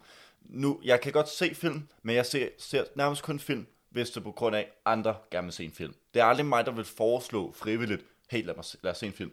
Jeg kan ikke huske sidst, hvornår jeg sidst, sidst har bare se en film for mig selv. Jeg tror, det var biler, og det var sådan halvandet år siden nu. Ja. Det er, men det, det, jeg har med film, det er, i hvert fald nogle typiske genrer, for eksempel sådan nogle actionfilm og sådan lignende, ikke? Man ved, hvad der kommer til at ske. Hvorfor så se det, agtigt. Ja. Oh, de kommer i problemer, de der gode helte. Åh oh, nej, de, de vil under ved at vinde. Bum, de vinder. Ej, hvor var det sjovt at se. To timer af det. Wow, altså. Jeg har lige spildt en del af mit liv på det. Ja. Det, det kan jeg ikke. Hvis jeg skulle se film for mig selv, så kan jeg lige, hvis det er sådan lidt krimi, for der kan det være sådan lidt, man ved ikke helt, hvad der sker, agtigt. Ja. Eller gyser. Og det, det ved jeg ikke. Jeg synes bare, det er lidt spændende, fordi der, der bliver jeg så lidt anspændt. Mm. Øhm, noget klassisk komedie, eller romantisk, hvor det sådan, at man ved, hvad der kommer til at ske. Ja, altså... Stop. Altså, jeg synes, jeg synes at... Jeg, jeg, jeg er til dels enig med dig. Altså, jeg, vil, jeg er heller ikke typen, som der siger, hey, skal vi se en, skal vi se en film? Øhm, jeg begyndte at se, se Digte. Det var en, en, øh, en dansk krimi, som der okay. kørte på, på tv for nogle år siden. Øh, og den synes jeg er mega spændende, faktisk. Mm. Øhm, der er sikkert meget bedre krimier, men det er fordi, at altså, jeg har aldrig rigtig set krimier før. Men, Nej. øhm, men, men nu er jeg så begyndt at se den, og det synes jeg, er- jeg er spændende. Øhm, så der er jeg jo enig med dig. Men Nej, jeg kan, jeg kan godt lide krimi. Ja, ja, lige præcis. Jeg er okay. enig med dig. Nå, jeg troede, ja. du sagde uenig. Nej, nej, nej, nej. Øhm, og udover det, så kan jeg virkelig godt lide at se en film, der bringer nostalgi. Eller der giver mig en eller anden glad ja. følelse indeni. Altså, jeg ved godt, at det er lidt soppy. Men Love Actually, det er altså Har jeg en... ikke set. Nå, okay, det har du ikke. Nej. Det er en banger-film, Jens. Altså, man bliver bare så glad indeni af den. Altså, det, det, det, det bliver så varm om hjertet. Men det, det jeg også har lidt med det, fordi nostalgic film mm. kan gøre det lidt for mig. For eksempel nogle Disney-film. Der er nogle Disney-film, jeg godt kan lide. Jeg har en anden film, som jeg er blevet ha- havde så meget for, at jeg ikke kan lide. Øhm, Løvene, Løvenes Konge, er det ikke den hedder? Jeg synes, Løvenes Konge er en overvurderet film. Nu, nu, nu skal I sende en... Altså, altså Jens, det der, det er min barndom, som du står og Hvor trasher. alle, jeg har snakket med, er altid uenige med, når jeg siger, at Løvenes Konge er øh, overrated. For det er den, synes jeg. Ellers, jeg kan godt lide Disney-film. Jeg synes bare, at den er ikke så særlig god. Okay, hvad er din tror- yndlings Disney-film så? Nu kan jeg ikke så godt forskel på Disney, Pixar og alle Nej, nej, der. okay, men bare sådan øhm, animeret film. jeg kan rigtig godt lide op. Det Ja. er, det er en god en for mig. Mm. Øhm, biler, synes jeg er grineren faktisk. Ja, Den første. Jeg så faktisk toren for første gang her for nogle dage siden. okay. Med, øhm, det er lige dem, jeg kan komme i tanke om med okay. Disney-film. Men der er gode Disney-film derude. Altså, der er også bare sådan noget, hvad, Toy Story, og der er Lilo og Stitch, kan jeg godt lide også. Ja. Ej, hvordan, hvordan kan man ikke... Altså, Løvernes Konge er jo... Altså, den er... Det, det, var, det var hele min barndom. Altså, da jeg var lille, der var min store drøm... Altså, det jeg ville blive, når jeg blev stor, Du det var Simba. altså, altså, jeg ville blive Simba, når jeg blev stor. Jeg tror bare, at Han var mit idol. øhm, soundtracket har carried den, den film meget. Hvis det ikke var for, for det gode soundtrack, ikke? Dårlig film. Altså, den er jo lidt... Jeg er meget jeg, jeg, synes, hård nu. jeg synes, det er virkelig hårdt, Jens. Altså, jeg, den, den, det er jo ikke sådan den mest spændende, altså, altså når man vender tilbage til den. Men, men, men altså som lille, så, så kan jeg da huske, at det var mega spændende. Jeg kan give noget credit, fordi at der sker der noget twistet i den film, som man ikke lige forventede med. Ja, at, altså faren dør. øh, spoiler alert. det synes og jeg, jeg, tror også, jeg tror også, det er fordi, også når jeg var yngre, kunne jeg ikke lide det jo. Jeg var jo røv bange for det. Nå, ja, det kan Så det har også bare gjort, at jeg har sådan haft lidt sådan, ja, mod den. Jeg har jo ikke set den i sådan mange år nu. Men altså, ja. Løvenes konge er overvurderet, synes jeg. Og film generelt. film generelt. Sygt meldt, Jens. Men øhm, It be like that. It be like that sometimes. Altså, I må godt sige, at jeg har en dårlig holdning nede i kommentarerne og alt muligt. Sige, sig, hvad jeres yndlingsfilm er, så kan jeg overveje at sige, og se den, er- eller bare sige, om den er dårlig også. ja. Altså, jeg kunne faktisk virkelig godt tænke mig at se nogle, øh, se flere film. Mm. Det kunne jeg faktisk virkelig godt. Jeg er begyndt på en, der hedder, Lup, jeg ved ikke, hvordan man siger det, Lupin, Lupin, altså staves L-U-P-I-N, som er en fransk krimi, med ham, som der spiller med i De Urørlige, ham okay. Den mørke. Ja. Han er en sådan en god karakter. Jeg elsker De Urørlige. Ja. Den er så fed. Det er en god film, ja. Men ham, jeg kan ikke huske, hvad han hedder, han er en fantastisk skuespiller. Han er med i den som hovedkarakteren, som der handler om, at øhm, hans far er øhm, blevet beskyldt for noget, han ikke gjorde, og kom i fængsel for det, og nu skal jeg ikke sige alt for meget, men han vil ligesom tage hævn for det, og så øh, stjæle og alt muligt, Okay. hvor han gør det sådan rigtig godt. Øh, det er en anbefaling, jeg har, hvis jeg skal endelig sige én ting. Prøv at se os, Jens. Ik- ikke bare nok om fodbold, så anbefaler vi også film til folk. Og serier og det ja, hele, altså. præcis. Altså, Bare ikke Løvenes Konge. Jeg ved godt, at I skal bruge rigtig meget tid på at høre podcast her i påskeferien, men altså, der er også lige en ting, som, som I også lige kan følge med i, åbenbart. Øhm, men jeg tænker, det er det. Ja. Ja, jeg, jeg har sikkert mange flere ting, som jeg kunne snakke om i forhold til overs, over slash undervurderet. Mm. Især inden for fodbold, men det har vi snakket nok om. Ja. Øh, det kan være, at vi snakker om det på et andet tidspunkt. Det kunne faktisk godt være en hel Vi, episode. vi, altså, vi har også snakket lidt om det her i dag jo, fordi vi snakker om nogle spillere, som der ikke spiller for de store klubber. Præcis, præcis. Men øhm, det var simpelthen det. Ja, Tak fordi, at du vil være med her i dag, Jens. selvfølgelig. Ja, Når Benjamin Det- nu ikke gider. Lige præcis, når han ikke gider. Øhm, det, det sætter jeg sgu pris på. Men øh, udover det, så er der ikke meget mere at sige end tak, fordi at I lyttede med på Apple Podcast, Spotify og Google Podcast. Og tak fordi at I så med på YouTube. Tak for i dag. Hej hej.